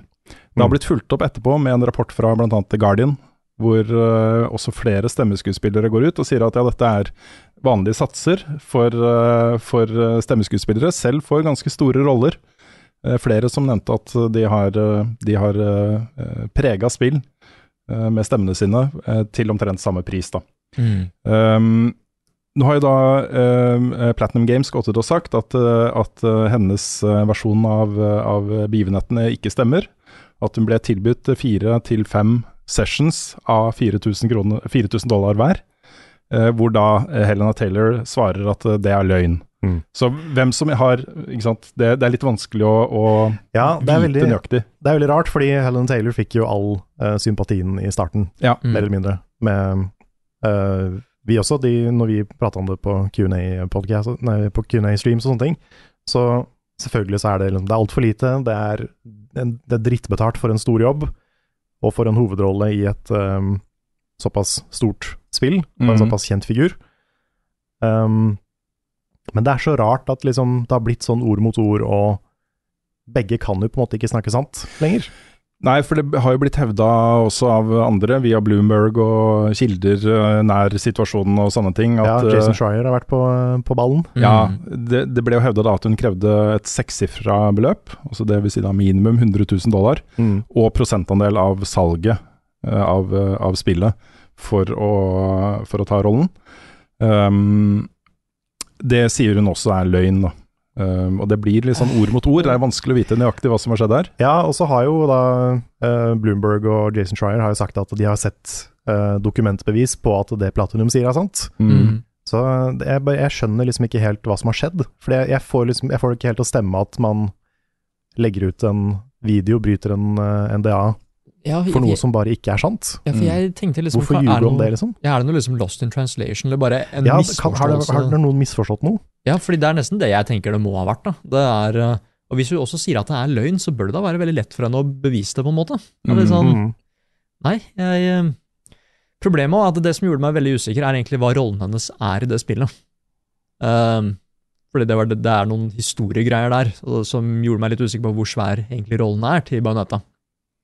Ja, fordi de introduserer både en ny og en uh, tidligere rollefigur som også Ja, er spillbare og, og sånt. ja og så er det én ting til, men det er super det er, det er egentlig Ja, det er litt spoiler. Okay. Det, er, det er litt spoiler å si det. Men ja, så jeg vil veldig gjerne vite bare, ok uh, Var dette her betalt for én session? Hvor lang skulle den session være? liksom? Mm. Nei, så jeg, jeg tror det har skjedd noe gærent. At Liksom, Ja. eller Det er misforståelse her. en veldig rar situasjon. Ja, det er en rar situasjon, men litt sånn overbyggende så er det jo på en måte Nå er søkelyset satt på skuespillere i spill, Mm. Uh, og hvis du sammenligner med, med spillefilmer, uh, live action spillefilmer, så er jo på en måte lengden på sessions og hvor mye du, mange timer du jobber, er jo helt uvesentlig. Det er jo din verdi som skuespiller som det betales for, og de får jo mange titalls millioner dollar for å spille roller Mm. i spillefilmer som går på kino. Eh, og dette er stemmen til Bajonetta. Mm. Og det er uansett rart uh, at man skal liksom følge vanlige frilanssatser på den type arbeid som preger spill såpass mye, da. Mm. Um, og jeg tror nok det er ganske liten sannsynlighet for at Jennifer Hale, som jo da er Bajonetta i Bajonetta 3, har fått 4000 dollar for den jobben. Um, Christopher Judge i God of War har sikkert ikke fått 4000 dollar, han heller. Nei. Nei, bare se for deg hvor mye stemmen han sier til de nye God of War-spillene, liksom. Mm. Det betyr så mye. Mm. Um, I alt som er historiedrevet, så betyr jo stemmeskuespillerne alt. Uh, og hvis du ser lenger ned på rollelista i God of War også, så er det jo mange kjente navn der. Mm. Og bra folk, liksom, som er håndplukka til den rollen for å tilføre noe til spillopplevelsen. Uh, og det er jo særlig den kritikken uh, i det Helena Taylor sier i disse videoene sine, som, som fester seg hos meg, da. Er, hvorfor verdsettes ikke mitt arbeid som skuespiller høyere enn dette? Mm. Uh, og det er jo den type historier som mange nå forteller. Uh, Ja. Det har blitt et lite oppgjør mot uh, bruk av stemmeskuespillere i spillet etter dette. Ja, her. og og det er bra, og det, det håper jeg jo ikke at den, det som har kommet fram nå, at liksom kanskje ikke alt Jennifer, nei, Helena Taylor sier stemmer. Mm. Jeg håper ikke det distraherer fra den fak det faktiske problemet, som er nettopp det, da. Mm. Med, med stemmeskuespillere som får for dårlig betalt, som blir for dårlig behandla. Og det er jo ikke bare stemmeskuespillere, det er jo overalt i hele spillindustrien, så er det det er mange drittjobber som får dårlig betalt. Mm. Og det er synd at det er sånn. Det burde være mye mer fagforeninger, det burde være mye mer, men det er jo vanskelig å få til, spesielt i land som ikke er Norge. Mm. Dette her er på en måte litt sånn der, eh, voksesyke, føler jeg, da, for spillindustrien. Mm. eh, Hvor, eh, hvor stemmeskuespill altså Det har alltid betydd mye. Det har vært viktig hvem som har stemmene til spillroller, selvfølgelig. Mm. Men nå er det mer subtekst, det er mer sånn tradisjonell skuespill, da, eh, føler jeg, i spill. Det er viktigere at de som eh, tolker disse rollene, gjør det med hud og hår og erfaring og tyngde og kvaliteter som skuespiller. eh, viktigere enn noen gang. Og um, eh, jeg, jeg klarer ikke helt å se for meg liksom hvordan sånne spill som God of War f.eks. ville vært med som bare sånne random skuespillere som kommer rett fra lokal teateroppsetning. Ja, vi, vi kan jo gå tilbake til PlayStation 2 og se nøyaktig hvordan det ville vært. Ikke sant? Mm. Og det er, eh, det er et poeng, altså. Um, så jeg, jeg håper jo at det kan komme ting ut av dette her hvor, hvor eh, stemmeskuespillerne blir mer verdsatt. Og da er det jo, jeg føler jo det er jo noen stemmeskuespillere i spillmediet som blir verdsatt, og som sannsynligvis får ganske godt betalt. da. Jeg tror, altså jeg, jeg, Nå vet jeg jo ikke, men jeg tror jo Nolan North gjør det ganske bra økonomisk. Ja, Troy Baker, Mm. um, Jennifer Hale. Ja, og det, det var en ting som jeg reagerte litt på i, i starten av den historien her. At uh, Helena Taylor Det var et lite sånn stikk mot Jennifer Hale der. Ja. Uh, det var litt rart. Fordi hun er det én stemmeskuespiller som virkelig har jobba for eh, fagforening og Mm. for at eh, stemmeskuespillere skal få bedre behandling, så er det jo henne.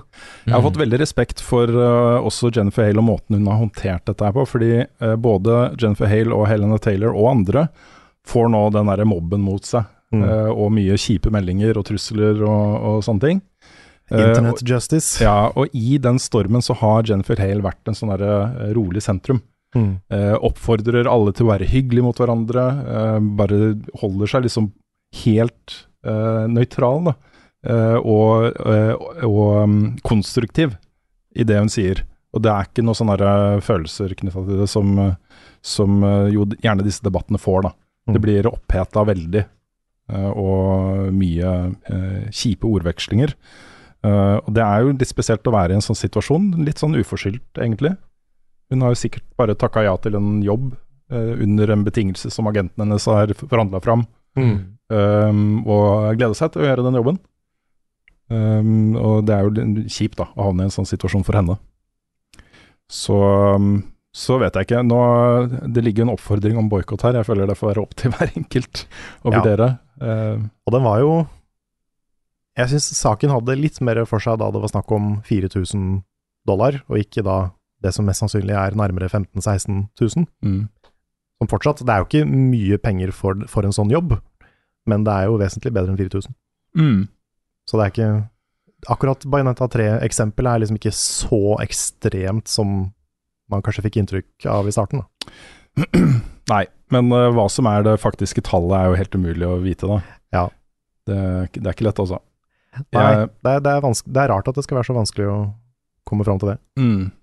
Jeg får ikke så veldig godt inntrykk av han Platinum Games-sjefen. Nei, Kamia, nei, Nei. som blokkerer halve Twitter og Mm. til Ja. slutt blokkerer så mye at han blir blokkert sjøl. Av Nettopp, Twitter. ikke sant. Det, det, det er jo et eh, signal om eh, Hvis han er sann i forhandlinger, så kanskje det er ikke så rart hun har det inntrykket hun har. Det er er sikkert ikke han som har sittet i forhandlingene, men eh, Nei, men han, han framsto ikke veldig profesjonell, det gjorde han ikke. Nei, men han har alltid vært rar òg, så jeg liksom bare Ja, han er en sånn løs kanon. Jeg husker liksom til og med at da det var dette her kickstarter-greiene til um, Hva er det heter? The Wonderful 101. Ja. Så husker jeg at et av kickstarter-måla var at hvis du ga så og så mye, så skulle han liksom fjerne blokken han hadde på deg på Twitter-sida si, liksom. Det er sånne ting som det, da. At det bare, jeg veit liksom ikke helt hvor jeg har han hen. Han er tydeligvis skikkelig hyggelig liksom når han blir behandlet i intervjua og sånn, men bare ikke på Twitter, og da Nei, det var et sånt veldig godt eksempel på at vi bør kanskje høre begge sider av saken først. mm. Um, jeg, jeg vil fortsatt ha litt mer informasjon, for jeg føler noe Jeg føler det har blitt en misforståelse her, altså. Ja, men jeg syns det er så rart, for det var liksom Det var liksom ikke noen grunn til å ikke tro på Helen Taylor i begynnelsen. Men så kom alt det her andre fram, og så Mm, det, det er bare en veldig rar sak. Ja, jeg er jo skyldig i å ha veldig sympati for henne i starten der. Um, Jeg merker jo også at det har snudd, da. Det er ikke bare vi som sitter nå og ser eh, dette fra begge sider. Det, Nei. hun eh, får mye pepper, ass. Mm. Um, også fra våre lyttere som har sendt oss spørsmål. Ja, det er, så, det, er bare en så rar ting å ikke snakke sant om. Jeg får ikke det helt til å gå opp. Mm. Nei, for liksom, det kunne så godt fort bli bevist at hun snakka At hun løy òg. Så så jeg Mm. føler at det, det jeg liksom tenkte først, var bare at det, kanskje hun trodde at det, det beløpet hun fikk Fordi hun ble jo spurt om at hvis hun ikke skulle liksom være en ordentlig voice actor, om hun kunne ha en cameo liksom, i spillet. Kanskje det var den Kanskje det var det beløpet hun fikk?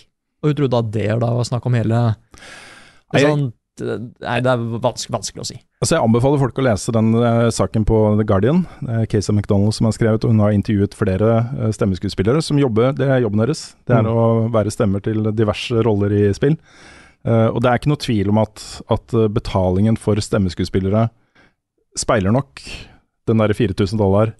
Er nok ikke så langt unna sannheten. da, At du får et manus på x antall sider, og du, du får betalt for hvor lang tid det tar deg å lese gjennom den. Mm. Litt sånn uavhengig av hvem du er, da, med mindre du er en av de aller, aller største som, eh, som eh, til og med kan liksom få eh, andeler av salg og en del sånne ting da, på toppen av en ganske god sum.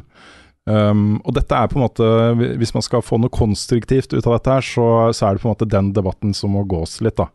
Hva er, hva er det fornuftig å betale stemmeskuespillere i spill? Hva fortjener de å få? Mm. Hva er uh, gode arbeidsvilkår for, uh, for et sånt yrke? Uh, og det er en debatt som bransjen trenger å ta, da. Så vi lager jo ikke spill. Det er litt vanskelig for oss å vurdere hva en stemmeskuespiller har vært. Mm. men, men man bør i hvert fall lytte til stemmeskuespillerne. Ja, man burde det. Så ja. Og så er det jo halloween-tider og skrekk og gru og tjo og hei. Mhm. Ja, liker man eh, survival horror, så, så har man en fin høst. Ja, resten av podkasten handler bare om survival horror, og comebacket til øh, Ja, ikke helt så ille, da. Eh, men det har jo vært først og fremst da, en Silent Hill Transmission, som de kalte det. Hvor det kom massevis av nyheter om Silent Hill-franchisen til Konami. Mm. Eh, hvor uh, Ja, jeg vet ikke hva som er mest interessant her, men uh, oh, det, det vet jeg. ja, jeg også vet hva som er mest interessant, men vi kan ta det litt i rekkefølge. Uh, Bloober Team, som er da studio bak The Medium, Layers of Fair og Observer. Alle tre sånne ganske decent uh, horroropplevelser. Mm. Ikke helt oppe på sånn trippel A-nivå, men, men det har vært sånn på Sterk mellomstadiet. firer. Mm. uh, de skal nå lage en remake av Silent Hill 2. Det er litt rart at de starter på toeren og ikke liksom tar Silent Hill 1. Ja, jeg kan skjønne det lite grann, kanskje, på Jeg, jeg, historien. jeg, skjønner, jeg skjønner Mm. greia, liksom, men det hadde vært kult med bare en ny take da, Ja. på Silent Hill 1. Ja. Eh, ja, for to, toeren er ganske safe, for det er vel et av de mest elska spillene i serien. mm. Hvis ikke det er mest. Ja, vi fikk jo også teknisk sett en remake da, av det første. Det derre Downpour eller noe sånt. Ja, stemmer. Men eh, jeg hadde, det hadde vært kult. Mm. Det er fortsatt dritskummelt, liksom. Men det blir i hvert fall Silent til 2. Det kommer til eh, Steam og PlayStation 5. Ett år eksklusivt på PlayStation, uh, før det da kommer på Xbox. Okay. Um, uh, ja. Jeg husker ikke om det fikk en dato, men jeg tror det er neste år eller 2024. Ja, skulle det komme på Xbox i det hele tatt? Eh, Ja, det blir sagt at det kommer da etter at den der tolv måneders eksklusiviteten til PlayStation Ok, okay, er over. Mm. Så, så det er på vei. Um, og så er det da et helt uh, nytt Silent Hill-spill, som uh, kalles uh, Silent Hill F. Ja! Søren. Det er et helt ny, en helt ny Silent Hill-historie som er lagt da til 1960-tallets Japan. Er ikke Eh, det det første Silent Hill i Japan? Eller som ikke er liksom USA-sentrert? Eller blander jeg? Jo, alt tar sted liksom i Amerika. i Ja, byen Silent Hill, Ja. Mm. USA. Ja. Uh, men den er skrevet av en som jeg ikke kjenner til, men som kanskje du kjenner til, eh, Nick. ja, fordi bare hvor, er, hvor har jeg hørt dette navnet her, liksom? Ja, det er en uh, japansk visual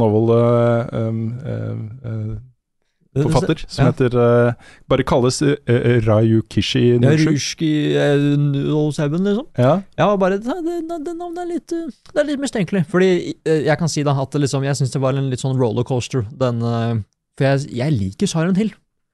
Det er dritskummelt, men det er ikke sånn jump scare-aktig skummelt som det jeg ikke liker, den skrekken der.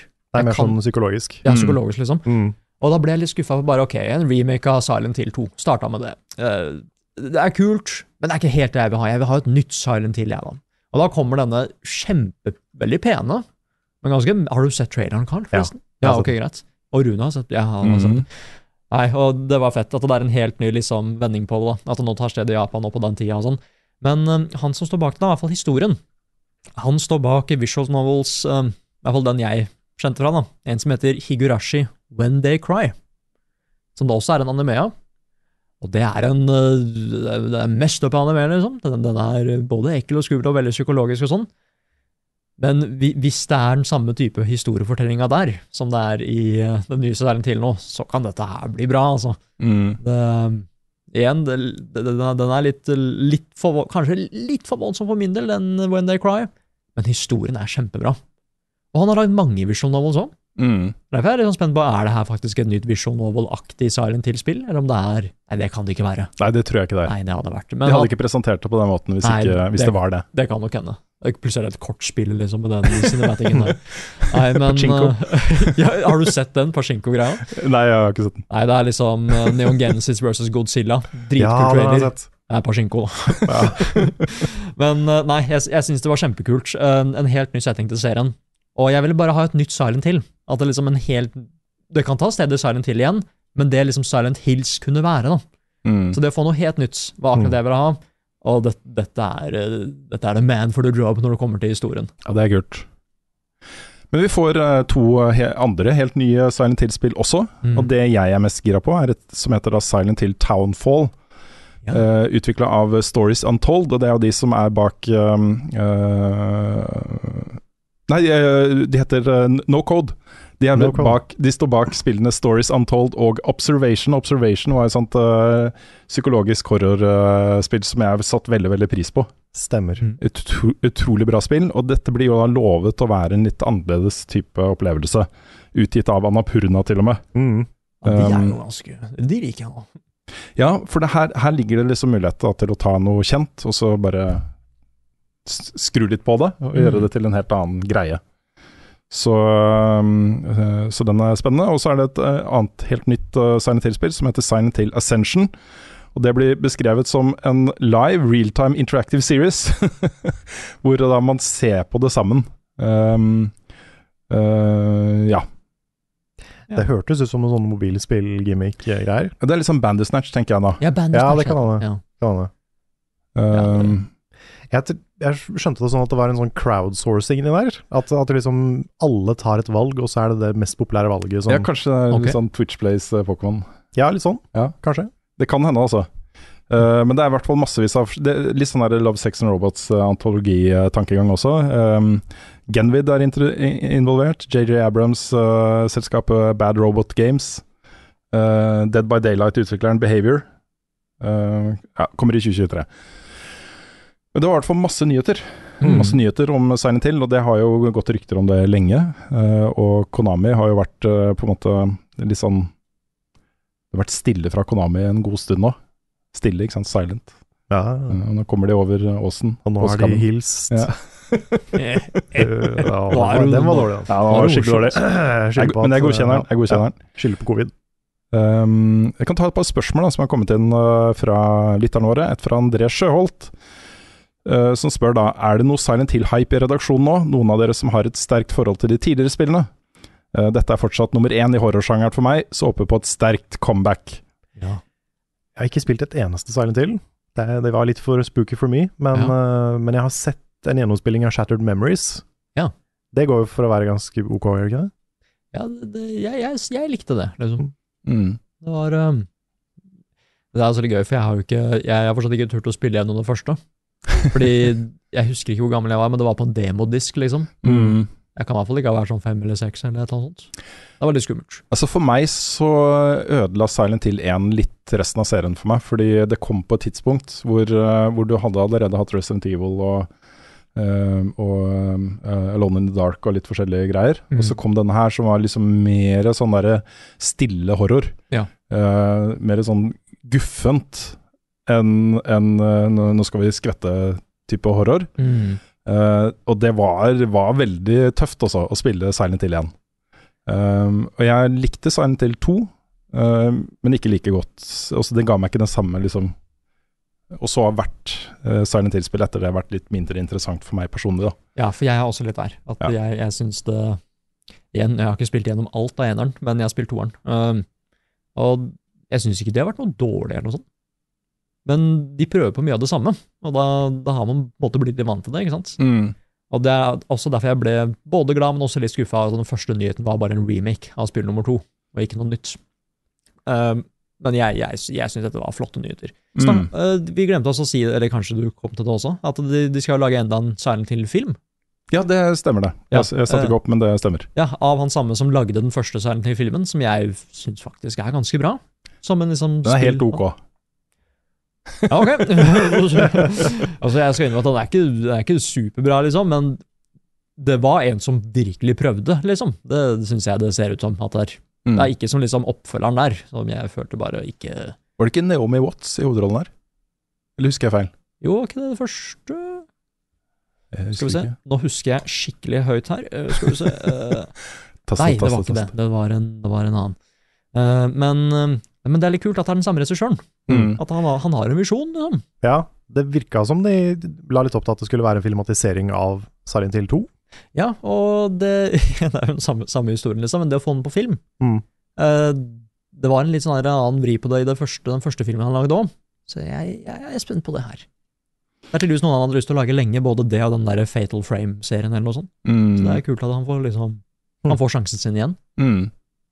Altså, Silent Hill har jo en del sånne ikoniske um, rollefigurer. Litt sånn Alle skrekkserier har på en måte ikke sant, Hellraiser har Pinhead, Mm. uh, og Silent Hill har Pyramid Head. Uh, og det, det Pyramid Head representerer, er jo på en måte noe ganske sånn Den derre snikende uhyggen over at han beveger seg så sakte med den der svære butcher-greia som drar etter seg og sånne Mm. ting. Men det er bare fullstendig livsfarlig i det øyeblikket du er for nærme, da. Mm. Det er en del sånne uhygge knytta til, uh, til uh, Hva skal man si? Eh, ikonogra ik ik Ikonografi? ikonografien i, Silent Hill. Eh, med den tåka og Ja. alt, liksom. Mm. Så ja. Var det ikke en remaster av Silent Hill som fjerna tåka? Ja, tingen med tåka i det første spillet var jo eh, lagt til mye for uh, pga. tekniske begrensninger. Mm. Bare for å ikke rendre for mye på en gang, liksom. Men så ble det en feature. Mm. Eh, det var en ting som folk knytta til serien, da, ikke sant. Mm. Ja, sant. Nei, men jeg er fortsatt, den serien har fortsatt gjort meg stressa når jeg hører sirener og sånn. Ja. Ha. Bare ja, ok, greit, er det så en til-tid nå, da? Vi har et spørsmål fra Trond Borgersen også, kanskje uten uh, vignettmusikk. Det er Ah, ukens ok, info. ja. Ja. Eh, dum, dum, dum, dum, du. Eh, spør da, eh, Konami annonserte i går remake av Silent Hill 2. Hvorfor får vi ikke en remake av det første spillet? Er det slik at spillindustrien kun lager remakes av de mest populære slash mest solgte spillene i serien? Føler dere at noen spill fortjener remakes mer enn andre? For meg så virker det ikke som spillbransjen tør å ta sjanser, og remaker de spillene som faktisk kunne gjort bedre suksess som remake enn originalen. Les Final Fantasy 8. Det er jo et poeng, og uh, Capcom gjorde på en måte litt av det samme, uh, hvor de gikk på en måte rett på Resident Evil 2. Mm. Uh, mye fordi de da allerede hadde lagd en HD-remake av Resident Evil 1 til GameCube, Mm. eh, som også kom på andre plattformer etter hvert. Men, men det er jo et poeng. Jeg tror nok de fleste som er fans av Silent Hill 2 i dag, i hvert fall et flertall, oppdaga serien via Silent Hill 2, Mm. Ja. ikke Silent Hill 1. Det er noe sant. Nei, men det er, jo, det er jo sant at det er jo de populære spillene som får remakes, ikke de spillene som trenger remakes, på en måte. Mm. Det, det er helt sant. Mm. Men jeg er spent. Jeg er spent på, på om uh, Silent Hill kan bli en greie igjen, Mm. uh, på den måten det er gjort. Det er, det er litt sånn overveldende at det kommer så mye. At ikke det bare er en remake eller et nytt spill, Ja. men det er liksom et remake sånn. og et nytt spill, og to nye spill, og tre nye spill. Mm. Og en film og en interaktiv uh, seeropplevelse. Hvis, det, hvis det er din favoritt-franchise, så er det, Ja. Så er det den beste konferansen of all time. Ja, Det, men det, det virker som Konami bare plutselig Å, shit, det stemmer det, vi lager spill! Ikke sant? Og så bare må de lage alt på en gang. Ja, det er vel bare ett av disse her som lages uh, 100% inhouse. Ja, det er den Men F- det er jo Altså, de har jo gått ut og fått andre til å lage spill. Kommer de noen gang til å gå til Kojima igjen? Nei, Nei. Hva tror du ikke da? der er alle de broene de er brent. Ja, det er nok det. Så, men vi fikk i hvert fall et annet svar, da, for det har vært spekulert i om ikke Sony har kjøpt opp uh, Silent Hill-lisensen Mm. for å sette Kojima til å lage et Silent Hill-spill, og det gjør han da ikke. Nei, det er det ikke det som skjer. Men det kan hende det kommer en announcement om at Silent Hill F blir lagd av Kojima Productions. Det er ikke sant? Ja, altså, you never know. You never know. Highland Seal eller noe sånt. Ja, Highland Seal. Vi går videre til Resident Evil. Uh, det har vært en showcase der hvor de har vist fram uh, også, igjen, mye nytt. Uh, men da først og fremst av ting vi visste om fra før. Det lanseres nå en ny gameplay-demo av Resident Evil 4 eh, den 24. mars. Det er bare noen dager til. Mars. vil- Nei, mars, ja. Oktober. Spillet lanseres sp Ok, spillet Resident Evil 4 remake lanseres 24. mars. Ok. Uh, det er Resident Evil Village Gold Edition som får uh, en ny, har fått en ny demo. Den er ute nå, tror jeg. Ja, ok, da er jeg med. Ja, sånn er det. Ja.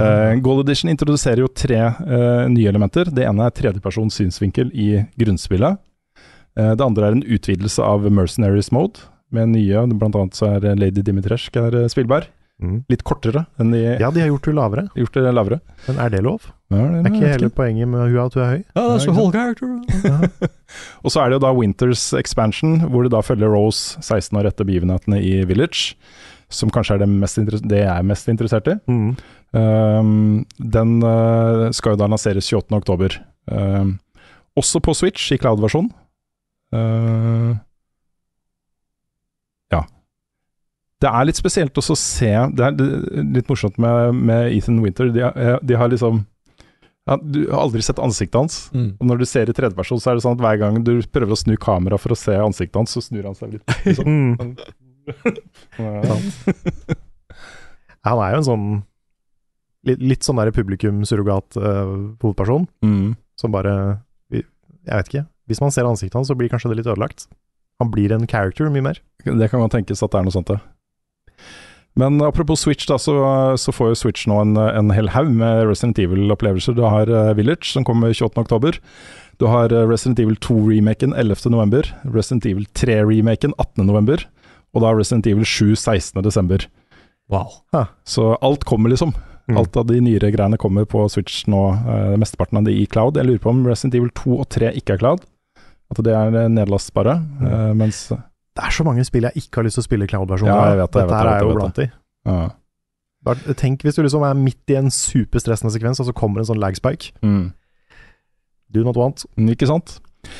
Og så er det jo dette reverse-spillet, da. Det multiplayer-spillet. Eh, Der kommer det en beta nå 23.10. Det var det derfor jeg begynte å blande med 24. mars og bla, bla, bla. Mm. Eh, Men det kommer en beta nå i Det blir vel på søndag, det da? Jeg lurer på om det er mandag her i Norge. Det er sånn eh, forskjellige tider, og nå vil være tilgjengelig bare et par dager. Mm. Så hvis du vil eh, sjekke ut den, så har du eh, mulighet til det da i, i rett over helgen. Uh, og så fikk vi da også, jeg vet ikke om du har sett den, Nick, men en åtte minutter gameplay-video fra Dead Space-remaken.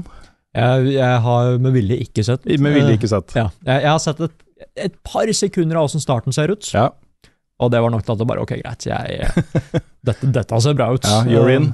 Ah, det, nei, fordi det, det, altså, det er bare at jeg husker, jeg husker det spillet så godt, og det å bare få alt det her nå Kommer jeg til å liksom ha problemer med å skjønne meg igjen fordi grafikk Det er et så svært hopp. Mm.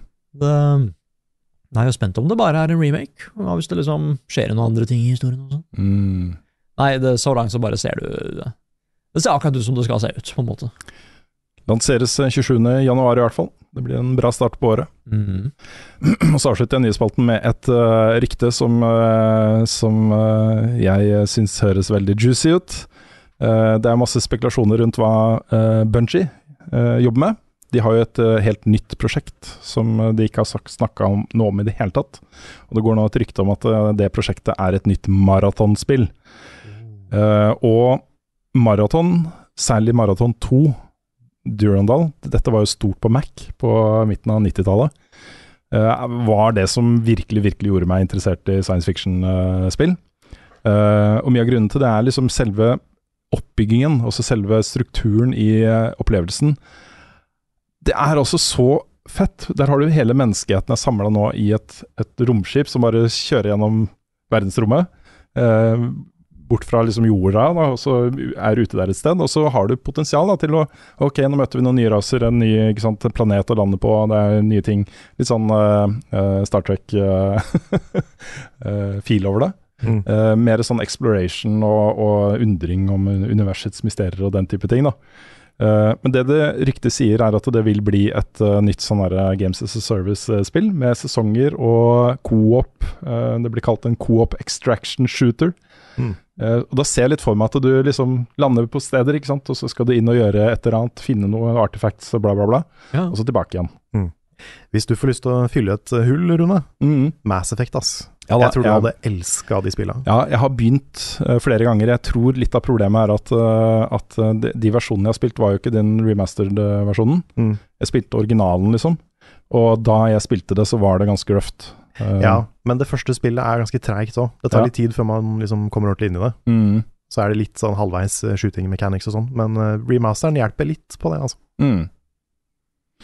Ja, Det er jo veldig spennende å se om dette her kan leve side om side med uh, Destiny. Um, det, er, det er litt de, de har jo to ek store expansions igjen nå, uh, før på en måte den sagaen de forteller blir konkludert. Så sier de jo at Destiny kommer til å leve så lenge folk er interessert i å ha det. Mm. Men hvor kommer fokuset deres til å være, da? Etter at eh, de har konkludert, liksom? Mm. Er de like engasjerte? Setter de et nytt team på det? Eh, Blir det mer vedlikehold? Kanskje ikke så mye nytt? Eh, kanskje de ser for seg at her lager de noe som skal ta over spillere da, fra Destiny, ikke sant, inn i noe nytt. Så, så vi får se. Og så har det kommet en ny trailer til Final Fantasy 16, og det ser skikkelig bra ut. Vet, vet du hva, det var cool worldbuilding, altså. Ja, det er så Game of Thrones. Det er så Game of Thrones! Jeg, Game of Thrones. jeg synes det ser dritkult ut. Ja. Uh, hva kommer egentlig nå? Jeg har ikke peiling. Hva kommer nå? Det er tid for wildcard-spalten, og det er jeg som har en wildcard i dag. Litt basert på at jeg var på min første ferie i utlandet på mange, mange, mange år nylig. Så i den anledning så presenterer jeg eh, en guide. Ti tips til voksne i Disneyland. Å ja. oh, ja, okay. Da Disneyland Paris, Mhm. først og fremst. For Ok, det, var der, ja. det var der jeg var. Mhm. Um, skal jeg bare begynne? Tips nummer én. Kjør på. Okay. Eh, bestill et hotell på utsiden av Disneyland. Ok, så ikke et av de hotellene som er uh, Ikke knytta til parken? Ikke Liksom. inne i parken. Nei. Og det er fordi det er fortsatt gåavstand til parken, hvis du tar et av de som er utafor. Mhm. Men det er sånn en tiendedel av prisen. Oh, ja. Det er så latterlig dyrt med de hotellene som er inne i parken. ja. Men Og det er jo fordi du får servert frokost av Donald Duck og sånn, ikke sant? Ja, jeg, jeg tror Donald Duck er opptatt. Okay. Men det er, det er jo kult, da. Det er jo, det er jo hvis, altså hvis du driter penger, Mhm. så kan du gjøre det. Men da du kan må, du få sånne rom penger. Da kan du få sånn Ariel Suite og sånn, kan du ikke det? I de hotellene i Disneyland? Det veit jeg ikke. Nei. Men det er et sånt kult sånn Hollywood eh, sånn skyskraperhotell Ja. som du ser inne i parken. Og det er veldig stilig fra utsida. Vet ikke åssen det ser ut inni. Men eh, det, altså, det er jo sikkert kult, men det er dritdyrt. Ja. Så, så hvis du er on a budget, sånn som, sånn som jeg var, jeg og kjæresten, så ta et av de hotellene utafor. De er ikke så fine, men de funker. Jeg trodde jeg skulle si, så ikke gjør den feilen som vi gjorde. Nei, men det kommer noen, det kommer noen sånne tips òg. Ah, okay. Da spesielt tips nummer to. Det går en shuttle fra flyplassen rett til Disneyland. For det er ganske langt fra flyplassen til Disneyland. Eh, men drit i det. Ta en Uber isteden. Ok. Eh, det er litt dyrere, men du slipper å kommunisere med franskmenn på en massiv flyplass som ikke har hørt om Disney-bussen. oh. Så det, det er en opplevelse du da kan slippe. Ja. Jeg snakker av erfaring. Mm. Den, det var umulig å finne fram. Usa. Vi var to, altså jeg har dårlig retningssans, men vi var to, og vi klarte ikke å finne fram. Jeg sto du og prøvde å liksom etterligne Donald Duck og sånn. Jeg var litt sånn der eh, Disneyland shuttle bus. Og det er bare sånn Nei, det Le Mickey Mouse. Ja, du må si Le, Le Disneyland. Le Donald? Ja. Nei, det, det var ikke mulig. Quack, quack. Le Quack. Neste tips. Eh, det er ikke lenger én park, men to. Er det to? What? Det er to parker! Er det to? Det er to parker, oh, ja, det det er er dobbel park. Ja, øra til Mickey Mouse, så klart. Ja, for den ene er den vanlige Disney-parken, og den andre har mer fokus på Pixar og Marvel. Mm. Det høres litt kult ut, da. Ja, fordi begge to er verdt å besøke. Ok. Så, så hvis du beregner én dag per park, så har du perfekt mengde tid. Aha. Det var det vi gjorde, og det angra vi ikke på. Så vi hadde, en, eh, vi hadde egentlig to dager i Disneyland, og så en halv dag i Marvel-parken. Men det funka da. Ja. Så eh, det var litt fordi det regna den første dagen, så var det ikke så koselig. Men det var, eh, det var, det var bra bruk av tid. Ja, Mm. smart. Um, skal vi se. Tips nummer fire. De kuleste karusellene er Avengers Flight Force og Star Wars Space Mountain. Okay. okay. Begge to er innendørs berg-og-dal-baner. Er det med VR-briller og sånt? Nei, men Nei. Det, er, det er skjermer overalt. Okay. Så det liksom, de simulerer litt at du flyr gjennom space og sånn. Mhm. Det er ganske kult. Okay. Det er veldig stilig. Eh, Så de to må du sjekke ut, i hvert fall hvis du, hvis du ikke er livredd for berg-og-dal-baner. Ja, går det fort, liksom? Går veldig fort. Ja. Den, den Spesielt den Avengers. Den starter, så får du den derre der lufttrykket som du kjenner liksom i ansiktet. Mm. Uh, så du begynner å liksom flappe i ansiktet sånn. Eller hva man kaller det. flappe i ansiktet. Du begynner å flappe i ansiktet. Um, og så, tips nummer fem. Mange av attraksjonene er mer imponerende enn de er morsomme. Ok. Så uh, Pirates og Haunted Manor og sånn, de forutsetter at du syns animatronics er kult. Okay. Men det er ekstremt imponerende animatronics. De ser ut som mennesker som altså Noen ganger er det sånn Er det en skuespiller, eller er det en robot? Jeg har jo Ja. sett noen klipp hvor, uh, hvor Johnny Depp plutselig har vært inne i den attraction i USA, s s som sin rollefigur, da, Ja. fra Pirates. Det er smart. Ja. Mm. Men det ser jo ut som han er der, på en måte. Ja, ja. Det er jo det, det, det ser jo veldig, veldig lifelike ut. Det er bare bevegelsen som, som du Da skjønner du at det er maskiner, liksom. Mhm. Men det er helt vanvittig imponerende lagd. Men du må på en måte sette pris på det, da. Mm. Mm. Det er ikke så veldig thrilling, det er bare veldig imponerende. Så eh, bare så du vet hva du, hva du går til hvis du står i de køene, for de er lange. Ja. Uh, og apropos det, ikke dra i høysesongen. Nei. For det, er, det var fortsatt mye folk og lange køer i september, men da var det ikke krise. Så da var det mulig å på en måte være der. Det føler jeg er et universaltips. Da har du mulighet, reis til steder utenfor eh, høysesong. Ja, det er sant. Ofte bedre temperaturer og sånt også, hvis det er sånn Japan og Ja. USA. Og, Ja, det var, det var litt kaldt da vi var der. Ja. Så Frankrike var ikke så koselig i september. Nei. Men, eh, men, det, men det gikk an. Det var eh, Jeg har en kjæreste som er veldig glad i Disney. Jeg hadde vært i Disneyland før, det hadde ikke hun, så det var litt derfor vi dro. Um, og så, tips nummer sju. Disneyland er mer en landsby enn en fornøyelsespark, Hmm. på en måte. For det er små hus og shops og snackstands og sånn overalt, så vær forberedt på at du må gå en del. Ja. Det er ganske lange strekninger og ganske mye å utforske og, og se på. Ja, ja, men jeg har Pigmin Bloom, så det går fint. Ja, sant? jeg hadde Pokémon Go. Ja, Jeg raida i Disneyland. Tok over en gym i Disneyland. det er ikke alt som må si. Det var gøy. Um, tips nummer åtte. Hvis det ikke står pris på suvenirene, run away. For det var jævlig dyrt. ja. Jeg, det var én ting jeg tok med meg til kassa, og så var det ganske mange hundre kroner dyrere enn jeg trodde. Oh, ja. Um, tips nummer ni. Kan jeg spørre hva det var? Det Nei, det er hemmelig. Er det hemmelig? Nei, Fordi, for, fordi det You'll know. Åh. Kan hende jeg har kjøpt litt suvenirer til dere som jeg glemte å ta med i dag. Oi, oi, oi, oi, oi. Så, så det, det, det, det er noe no official Disneyland merch on, okay, on your way. Så det er litt sånn der, du prøver å gi oss litt dårlig, dårlig samvittighet Nei, for at de- du gir de gavene, fordi de er svindyre. Nei, det, var, det gikk Nick fint. han har brukt tusenvis av kroner på suvenirer til oss fra Disneyland. Eh. Ja, nei, jeg, har, jeg, har ikke ikke, jeg har ikke egentlig det, altså. Jeg endte opp med å ikke kjøpe de dyreste tinga. Okay, greit. Så jeg fant, jeg fant noe som jeg hadde budsjett til. Ja, men så bra. Um, tips nummer ni. Rett utafor inngangen ligger det en Five Guys.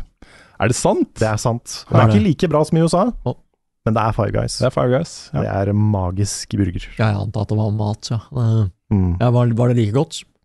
Det var ikke like godt, men det Ah. var, det var godt. Okay, Mm. Det var fortsatt en bra burger. Og det er mye spisesteder inne på Disneyland nå, men det er dyrt og lange køer og Så Five Guys. Five Guys rett utenfor. Rett utafor inngangen. Ja. Uh, siste tips, tips nummer ti. Pass deg for Mikke Mus, for han har sannsynligvis korona. Wow. Ja. ja, dere kommer hjem med korona. Vi gjorde det. Mm. Gjorde det. Så det. mm, Men det var en fin tur. Det var verdt det, faktisk. Selv om korona suger, så var den turen verdt det. Ja, ok. Men, men åssen åssen visste du at det var Mikke Mus? Nei, jeg bare mistenker det. Ja, ok, greit. Ja. Det var ikke én person som hosta på deg, det var Mikke Mus? Nei, det, det var ikke det. Det kan ha vært noen av de mange tusen andre menneskene som var der, men jeg velger å tro at det var Mickey Mouse. Ja, det var nok Ja, det. Bare for min egen cred, liksom. Ja, men liksom ifølge Lorne, det er jo en central character, liksom. Mm. Det er en tryggere karakter å skylde på enn Guffen, for eksempel. Ja. Som jeg føler får nok tyn. Guffen har fugleinfluensa. er hennes best, hvor var fredag sist? Har Carl egentlig sopp? Ukens spørsmål. Vi begynner med et spørsmål fra Martin Herfjord. Fantastisk, ja, Martin Herfjord. Fanta Unnskyld, jeg glemte fornavnet. Ja. Fantastiske Martin Herfjord. Mm -hmm. uh, tror dere det er recency bias i utdelingen av Game Awards Game of the Year? Jeg håper Elden Ring er like aktuell kandidat, selv om God of War Ragnarok kommer mye nærmere opp til utdelingen. Jeg tar den jo um, et, et par sånne forutsetninger uh, her, da, som jeg ikke er helt med på. Mm. Det ene er jo at God of War Ragnarok er en Game of the Year-kandidat. Det vet du jo ikke ennå. Nei, jeg vet ikke det nå. Nei, han har ikke spilt det. Nei. Vi har kanskje spilt det, men kan ikke si noe. Det, jeg tipper det er kjempedårlig. Ja. Ja. Um, og det andre er at uh, ja, Betyr det så mye, da? Ja, altså det, det kan du jo si. Altså, Game of the Year-kåringer er jo mest for, for show Ikke sant? og for Det er- gøy. det er Det gøy det er jo det. Det er for mest for moro skyld. Men jeg syns jo, jeg syns jo uh, Game Awards-utdelingen er jo en av de bedre. Hvor, uh, Det har blitt det, i hvert fall. Ja, det føles som om liksom kategoriene er befolka av rettferdige nominerte. Uh, de trekker fram mange av de store indie-greiene som har kommet og prega året. Mm. Uh, det er ikke gitt at det er de største spillene som vinner i de forskjellige kategoriene. Det hender at mindre ting som Hades og Inscription og sånt huker med seg priser Mm. i konkurranse mot svære blockbuster-utgivelser. Så jeg syns det er en ganske god kåring. Um, men jeg legger ikke så mye vekt på den, hvis du skjønner hva jeg mener. Nei. Og så tenker jeg litt sånn Hvis noen i år glemmer Elden Ring, Ja. what are you doing? Ja, what are you doing? Men for å svare på det òg, det er jo garantert noe recency biased. Altså, Fordi det unngår man på en måte ikke. Nei, det er litt sånn menneskelig Ja. å huske det, det nyeste best, Mm. men, eh, men jeg tror altså Elden Ring har vært så svært i år, Ja. Og så altoppslukende, på en måte, Mm. at jeg tror ikke man glemmer det i en sånn kåring. Ja, altså, noen, noen skiller De viktigste holder ut selv, Ja. uansett når på året de kom. Liksom. Mm. Men uh, det er et større problem, føler jeg, for de som kom, ble, gitt ut, eh, ble gitt ut i fjor, men etter cutoffen. Mm. Også, for det er jo bare opp til en viss dato, eh, de spillene. Og så er Det det, er hvis sant. det kommer noe da i slutten av november eller i desember, så er det med da på neste års kåring, Mm. ikke sant. Det kan nok være verre, fordi mange medier vil jo da kanskje, hvis det har kommet noen ting som er svært og dritbra i den perioden, så har Mm. mange medier allerede kåra det til årets spill, for i fjor. Ja. Og så skal liksom Game Awards komme og kåre det til årets beste spill i år. Ja. Det kan nok Da må de være, da må de være Elden Ring, liksom. Mm. Mm. Tror jeg. Elden Ring kom i desember, liksom. Ja. Ja. Pokémon Legends blir nok glemt I, i Game ja, Awards i år, det for det kom i januar. Jeg syns det var dritbra, Jeg, jeg likte det veldig godt. Ja, men jeg, det, det tror jeg nok mange har glemt allerede. Spesielt siden det kommer et nytt Pokémon før det, Mm. så blir kanskje, kanskje oversett litt i år. Ja, men jeg, jeg er ganske sikker på at Elden Ring ikke blir glemt også. Ja, det er jeg også sikker på. Det er, eh, det er helt vilt eh, hvor, eh, hvor mye det spillet har påvirka liksom, spillkulturen gjennom året. Um, snakker jevnlig med folk. Jeg var og kjøpte sko til dattera mi um, i helgen. Uh, og da han bak kassa, jeg hadde på meg den Elden Ring-genseren som jeg, jeg går med, Mm. som begynte å snakke om Elden Ring. Og han hadde prøvd seg på alle FromSoft-spillene, ikke fått til noen av de, men Elden Ring hadde han platinum i, liksom. Mm. Og det er litt den derre Folk har spilt Elden Ring. Ja. Folk som ikke har spilt noen andre FromSoft-spill. Folk har oppdaga FromSoft via Elden Ring. Uh, og det er mye pga. den eh, liksom Skyrim-appellen og Witcher-appellen som det spillet har. da. Dette er et svært rollespill i en åpen verden med masse kule mekanikker og mye frihet. Uh, og du kan komme deg gjennom det uten å være en, en spillgud. Du kan bare bøffe deg, liksom. Eh, og det har gjort at, eh, at det har nådd ut til flere. Da. Det har blitt en sånn populærkulturgreie som er litt større enn det FromSoft har hatt eh, før. Mm. Mm. Jeg har aldri spilt et åpen verdensspill som jeg har spilt gjennom Altså sånn completionist mode fire ganger i løpet Ja, av det året det kom. Det er sånn, det er helt uhørt for meg. Jeg tror jeg runda 500 timer i det spillet før jeg la det bort. Ja.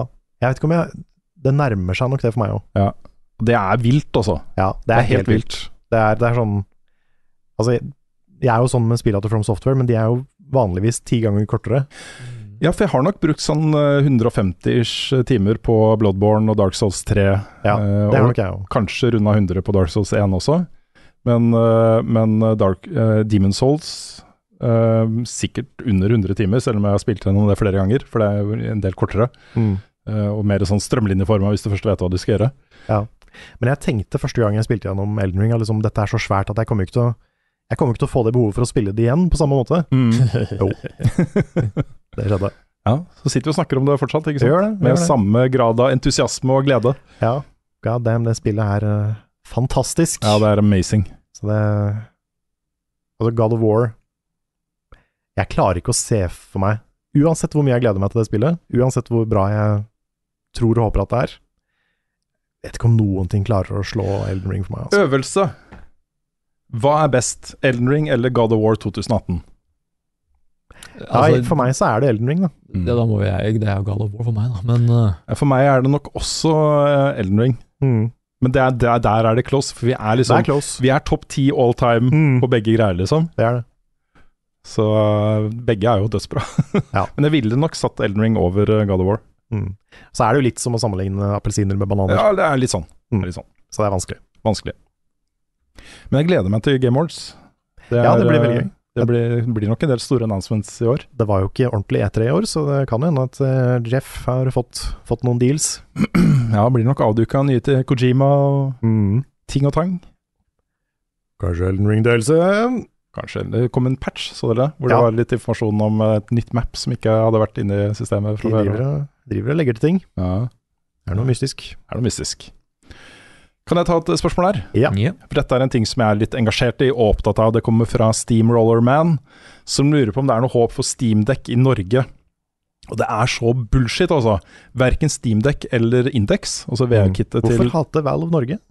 Jeg vet ikke, det kommer til Sverige liksom. Hvorfor kommer det ikke ut i Norge? Hvorfor kan jeg ikke gå inn som nordmann og kjøpe Steamdeck eller eh, Index? Oi, kanskje Er det- er, skyld, er vi- kanskje det er du som har gjort et eller annet? Er vi i et så lite marked? Det er litt rart. Jeg, jeg syns det er kjemperart. Og du, da må du jo ty til uh, Du må kjenne noen da i Sverige eller i USA eller noe sånt som kan kjøpe for deg. Og folk Mm. gjør jo det, da. Men gjør det litt enklere, da. Nå kommer sånne pressemeldinger. Nå beefer jo produksjonen av Steamdeck. Alle som, Nå har vi slutta liksom reservasjon, folk kan bare kjøpe den. Nei, vi- folk kan ikke bare kjøpe den, for du bor i Norge, ikke sant? Mm. Det er utrolig irriterende, altså. Og det, det vil jeg at vi skal gjøre noe med. Ja. For jeg har lyst på en steamdekk. Når jeg ser hvordan folk bruker den, Uh, måten den blir bare en PC-konsoll kobla til TV-en din med den Steam-dokken som har kommet, um, er liksom Jeg vil ha den maskinen. Mm. Um, den har jo noen emulatormuligheter også. Det har den i aller høyeste grad. Mm. Så med, var det ikke til og med et offisielt bilde som ble lagt ut med en sånn Switch-emulator på eh, de la ut en trailer til den nye dokken. uh, hvor, uh, hvor de viste noe glimt fra liksom uh, UI-en på Steamdeck. Og da var det jo en Switch-emulator. Ja, Litt uheldig, kanskje. Litt uheldig. Mm.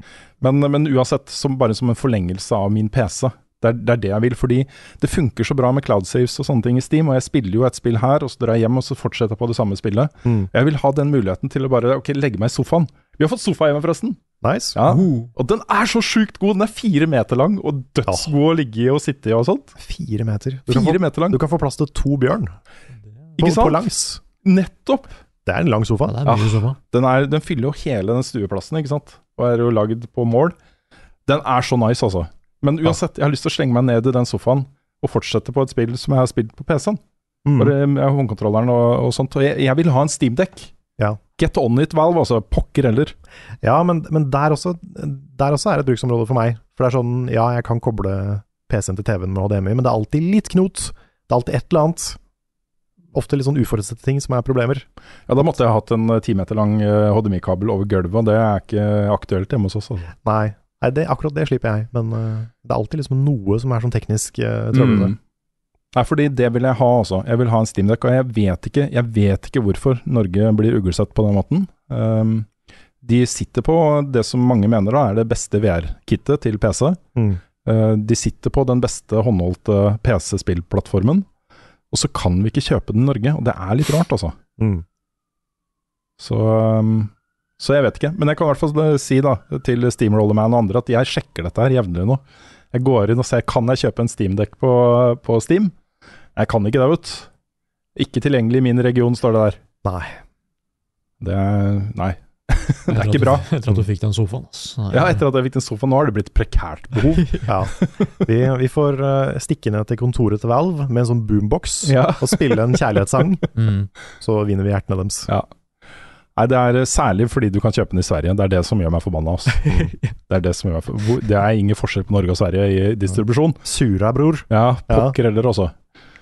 Så um, hvis det er noen som har et uh, tips til meg det var, Jeg ble nesten litt provosert. Vi fikk jo en, en melding fra en uh, lytter, eller uh, seer, Mm. som, uh, som sa at hvis vi har lyst til å teste Steamdeck, så kan han godt liksom stikke innom og la oss få prøve hans. Det er, bare, det er som å vifte heroin foran en narkoman. Jeg Det var ikke. sikkert veldig hyggelig ment. Det var hyggelig ment, men takk skal du faen meg ha. Ja. Så, nei, men det er også sånn uh, Hensikten var jo sånn Som journalister liksom som skal teste ting og ha en Ja. mening om ting, så hadde vi muligheten til å Ja. gjøre det. da Det var en veldig, veldig hyggelig ting Ja, det var selvfølgelig en veldig hyggelig ting, men Mm. jeg, bare, jeg har så lyst på den at, det, at jeg ble litt uh, Ja, sur. Det er, er det en ting vi mangler på kontoret her, så er det liksom et, et VR-rom. Ja. Det hadde vært fett. Det hadde vært veldig kult. Jeg har veldig, jeg har veldig tro på PSVR 2, altså. Mm. Har, eh, og det er litt fordi nå, nå vet jeg at MetaQuest 2 er jo på en måte den mest tilgjengelige og mest brukte og mest populære eh, VR-headsetet som er på markedet nå. Men det er meta, altså. Det er meta. Og jeg vil, jeg vil ikke ta i den. jeg vil ikke ha den på hodet. Nei, det er, eh, det er vanskelig å være så aggressivt ukul som det Meta er akkurat nå. Ja. Og der føler jeg at PSVR2 kommer inn som den kule challengeren, liksom. Med litt samme type ease of use. Mm. Uh, bare plugge én kabel, så er det der, liksom. Det, det vil jeg gjerne ha også, med da de økte tekniske mulighetene i, i PlayStation 5 og, og sånne ting. Så um, jeg har veldig tro på det. For VR sin del så tror jeg det kan bli en ganske viktig utgivelse. Mm.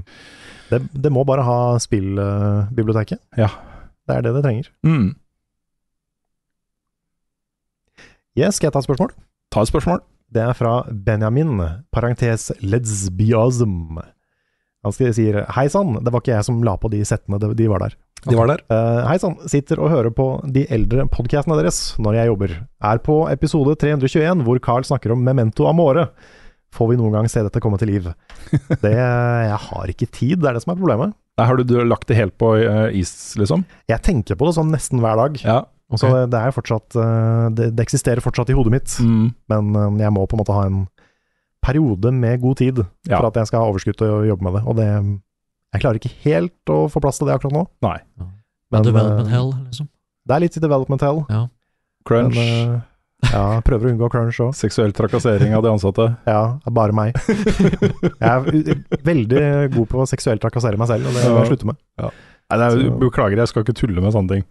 Nei, det, det er jo et alvorlig tema, men, Ja. ehm, men det er ikke så mye seksuell trakassering i, i mitt prosjekt som jeg jobber med aleine, nei. Nei. Det, det er det ikke. Men eh, nei, jeg har, jeg har fortsatt veldig lyst til å gjøre noe ut av det en gang. Det er en idé som jeg fortsatt har liksom litt tro på. Mm. Det er en, en, en comedy dating sim Ja. som, som har litt realness i seg også, på en måte. Mm. Så øh, kanskje litt sånn i gate med Ikke i nærheten av like gjennomført som Dream Daddy, men litt samme filosofien, kanskje. Mm.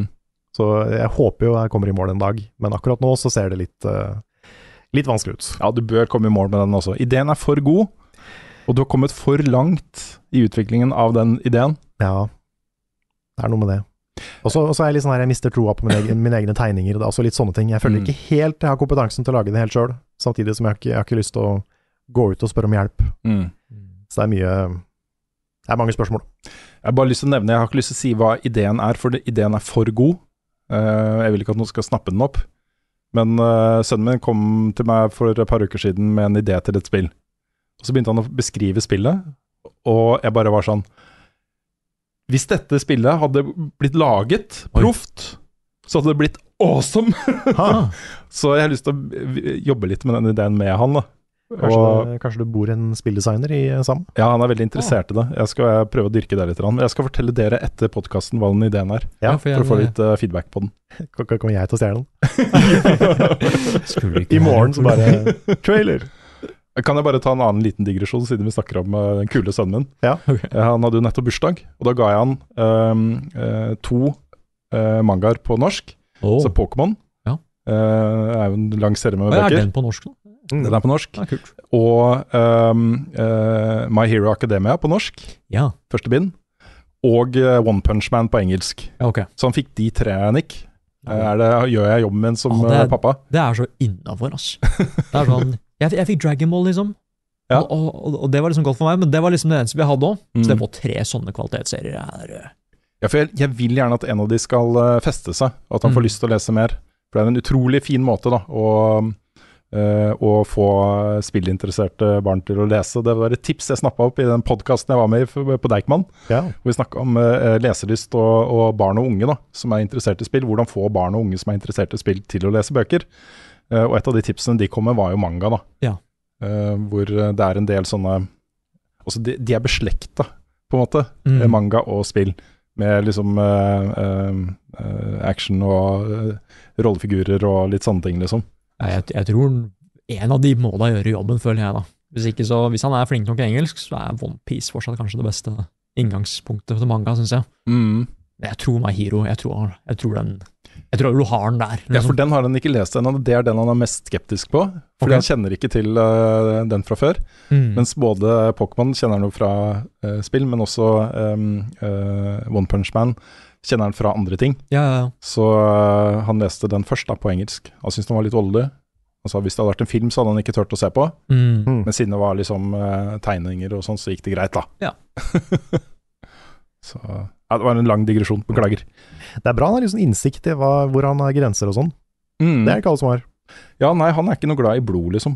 Nei. Hvis det er uh, innhold med blod på film eller TV og sånn, så vil han ikke se. Hvis det er ekkelt. Ja. Det tok lang tid før jeg vente meg til at folk døde på film. Mm. Til og med om det var en sånn der nameless security guard, så var det sånn Han hadde familie. Men så må jeg nevne også da at, eh, at uh, i går så, så satt jeg og spilte God of War. Og drev og sleit liksom av hoder og decapitations og sånt. Mm. Og så, og så enser jeg liksom mer enn jeg ser eller hører, da. Jeg har på meg headset, og det er høye lyder, og det er så brutalt som det kan få blitt. Ja. Da står han bak meg og pusser tennene og ser.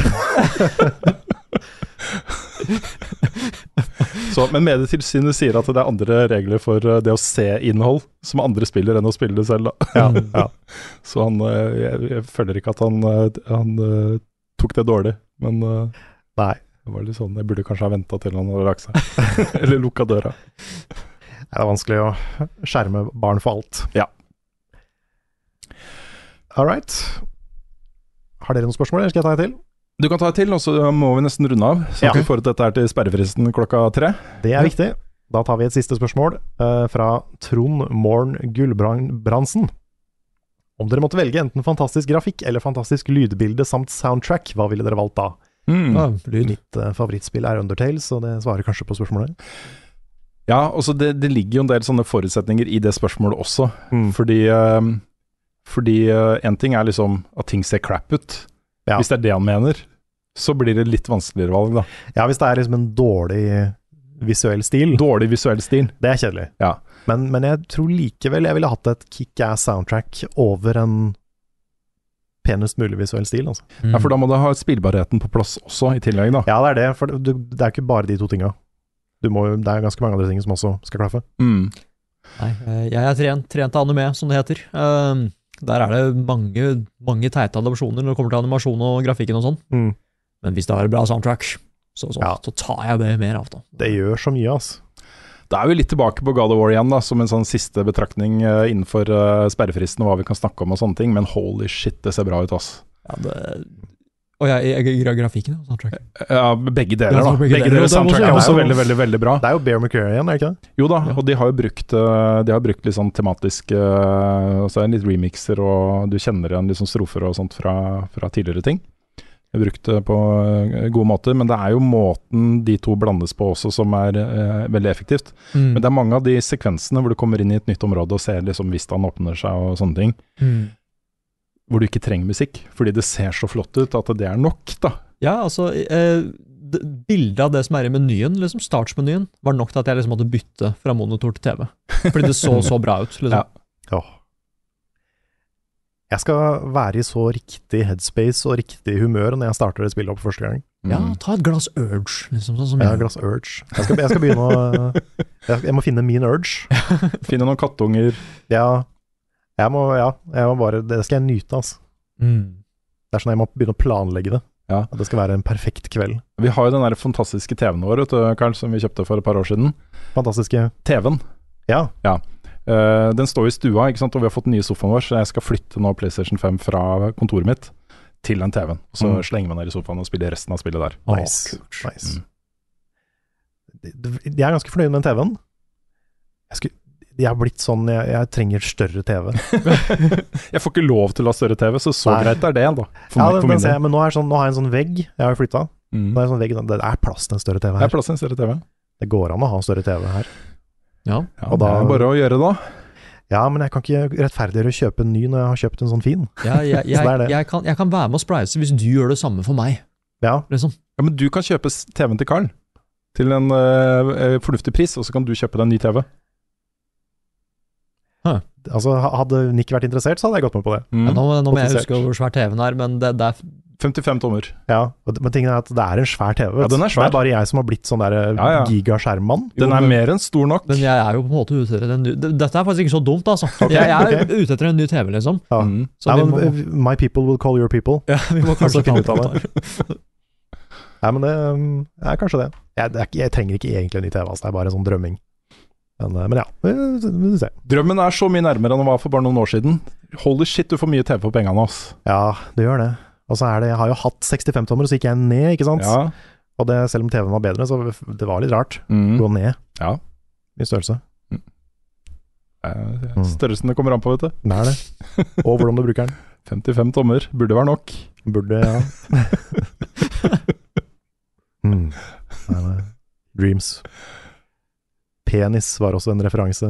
Ja. Mm. Men skal vi runde av? ja, la oss runde av. Ja. Dette har vært en podkast utgitt av moderne media. Låten i introen og outroen er skrevet av Ole Sønnik Larsen og framført og arrangert av Kyosho Orchestra. Mm, jeg elsker den versjonen jeg har lagd altså. Den er veldig fin. Jeg blir aldri lei av den. Aldri lei av den. Vignetten er lagd av fantastiske Martin Herfjord. Mhm. Det var det jeg huska sånn perfekt. Resten er jeg litt mer shaky på, men um, Det var først YouTube, er det ikke det? ja, YouTube-kanalen vår, Level Up Norge, på YouTube Mhm. finner du basically alt vi gjør. Nå har de også introdusert uh, sånne tags for uh, kanaler, og vår er da at Level Up Nord. Ja. Den ble assigna til oss, Riktig. og jeg ikke noe, følte ikke noe behov for å endre den. Nei.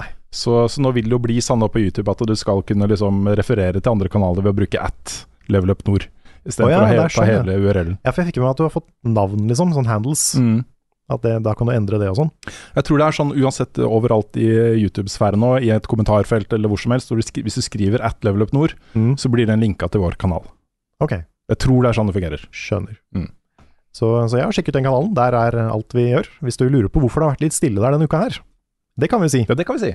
Så er det fordi vi har uh, satt oss ned, benka oss foran uh, diverse klippeprogrammer. No, noen spiller God of War, men vi, det er faktisk en jobbgrunn til at, vi, til at det har vært litt stille.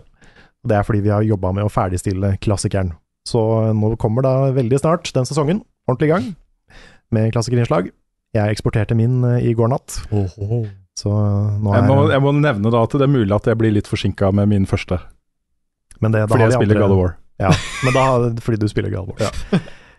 Ikke misunnelig. Eh, Men da, da begynner i hvert fall sesongen veldig snart. Ja. Fordi nok eh, videoer blir sannsynligvis klare til, eh, til det. Ja, for hvis du eksporterer, eksporterer din, så har vi i hvert fall Da vet jeg at vi har to. Ja. Og så tror jeg en til er confirmed, Nettopp. så det, det kommer seg. Ja. Kommer seg. Det vil da bli en hel sesong, da. eh, som går over ti uker eller noe sånt. Vi er, vi er busy bees. Mm. Vi er det. Så vi, vi fant ut at den eneste måten vi kom til å komme i mål med de videoene på, var å sette av tid til å ferdigstille de. Yep. Og det har vi gjort nå. Ja. Så nå kommer de. Ja. Ja. What's, the- what's the point? Og God Eh, of War. Og God of War. Ja. Jeg vil også ha God of War. Ja, ja, jeg veit. Nå begynner jeg å tenke på den mailen som skal si Det er skummelt å få hopp. Det er skummelt å få hopp. Men eh, du finner oss også på Discord, discord.gg slash levelupnorge. Mhm. Eh, det viktigste for oss, sånn økonomisk og for å klare oss i hverdagen, det er Patron. Patron.com slash levelupnorge. Der eh, kan man støtte oss med så mye eller lite man bare vil, Oh, ja. For at vi skal kunne fortsette å dekke spill, fortsette å lage podcaster og anmeldelser, og spilluka, og klassikerinnslag, og dueller og alt, eh, alt annet vi gjør. Mm, jeg kan også nevne at, eh, at um, vi eh, er jo en litt sånn rar, rar greie i norsk spilljournalistikk. med at vi liksom tviholder på den journalistikken og tviholder på essensen i de vi er og hva vi har lyst til å gjøre og sånne ting. Og grunnen til at vi kan gjøre det, er pga. Patron. Og jeg, jeg vil ikke si hva vi sier nei til, men vi sier nei til en god del greier. eh, fordi vi har Patrion i ryggen. Ja, vi kommer aldri til å bli sponsa av Raid Shadow Legends. For eksempel. Uh, det er en konkret ting vi har sagt nei til, faktisk. Ja, vi, vi har blitt spurt. Ja, ja. Uh, og det er eh, eh, utrolig gøy, da, å, å se at folk eh, har lyst på den type uavhengig journalistikk i Norge også. Men det koster penger, og vi sier jo nei til en del økonomiske muligheter som gjør at vi kanskje ikke hadde trengt Patron like mye, da. Mm. Men vi trenger de inntektene også for å kunne være de vi er. Det gjør vi. Det gjør vi. Så til alle som backer oss på Patron, tusen hjertelig takk. Dere, dere betyr alt for redaksjonen vår. Så øh, ja, Twitch. Twitch. Twitch.tv slash levelupnord. Mhm. Finner oss også når vi streamer. Svendsen har hatt litt øh, streams i det siste av øh, litt metal-spill og ting og tang. Oh yeah. Eh, resten av oss har også planer om å streame litt mer framover. Mhm. Vi øh, har jo også planer om en liten megastream etter hvert, som vi har hatt før. Så følg med for nyheter om det. Det er vel alle de pluggene, er det ikke det? Ja, det var den My Spreads Level Up ja, Norge level up, øh, merch. levelupnorge.myspreadshop.com No. No. no. Tror jeg .no. Ja. .no tror jeg også er riktig. Dette Ja. er en lang outro. Der finner du T-skjorter og ting og tang. Aha. Du kan kjøpe et NAC-forkle. Yep. Tenk at du kan ha det på mm. kroppen din. Mm. Det er mulig. Du Kan til og med ha naken under hvis du vil. Du kan det. Tenk, altså, Overraske kona di eller ja, mannen din Hvis kona eller kjæresten, Mhm. og du står der med et NAC-forkle og ingenting annet, Ja, da blir det sexy time på kjøkkenet. da blir det fy fader, hvis ikke det går bra, så er du sammen med feil person. Mm. Rett og slett. Og med det takker vi for nå. Takk for at du har hørt på denne episoden av Level Backup, og så snakkes vi igjen neste uke.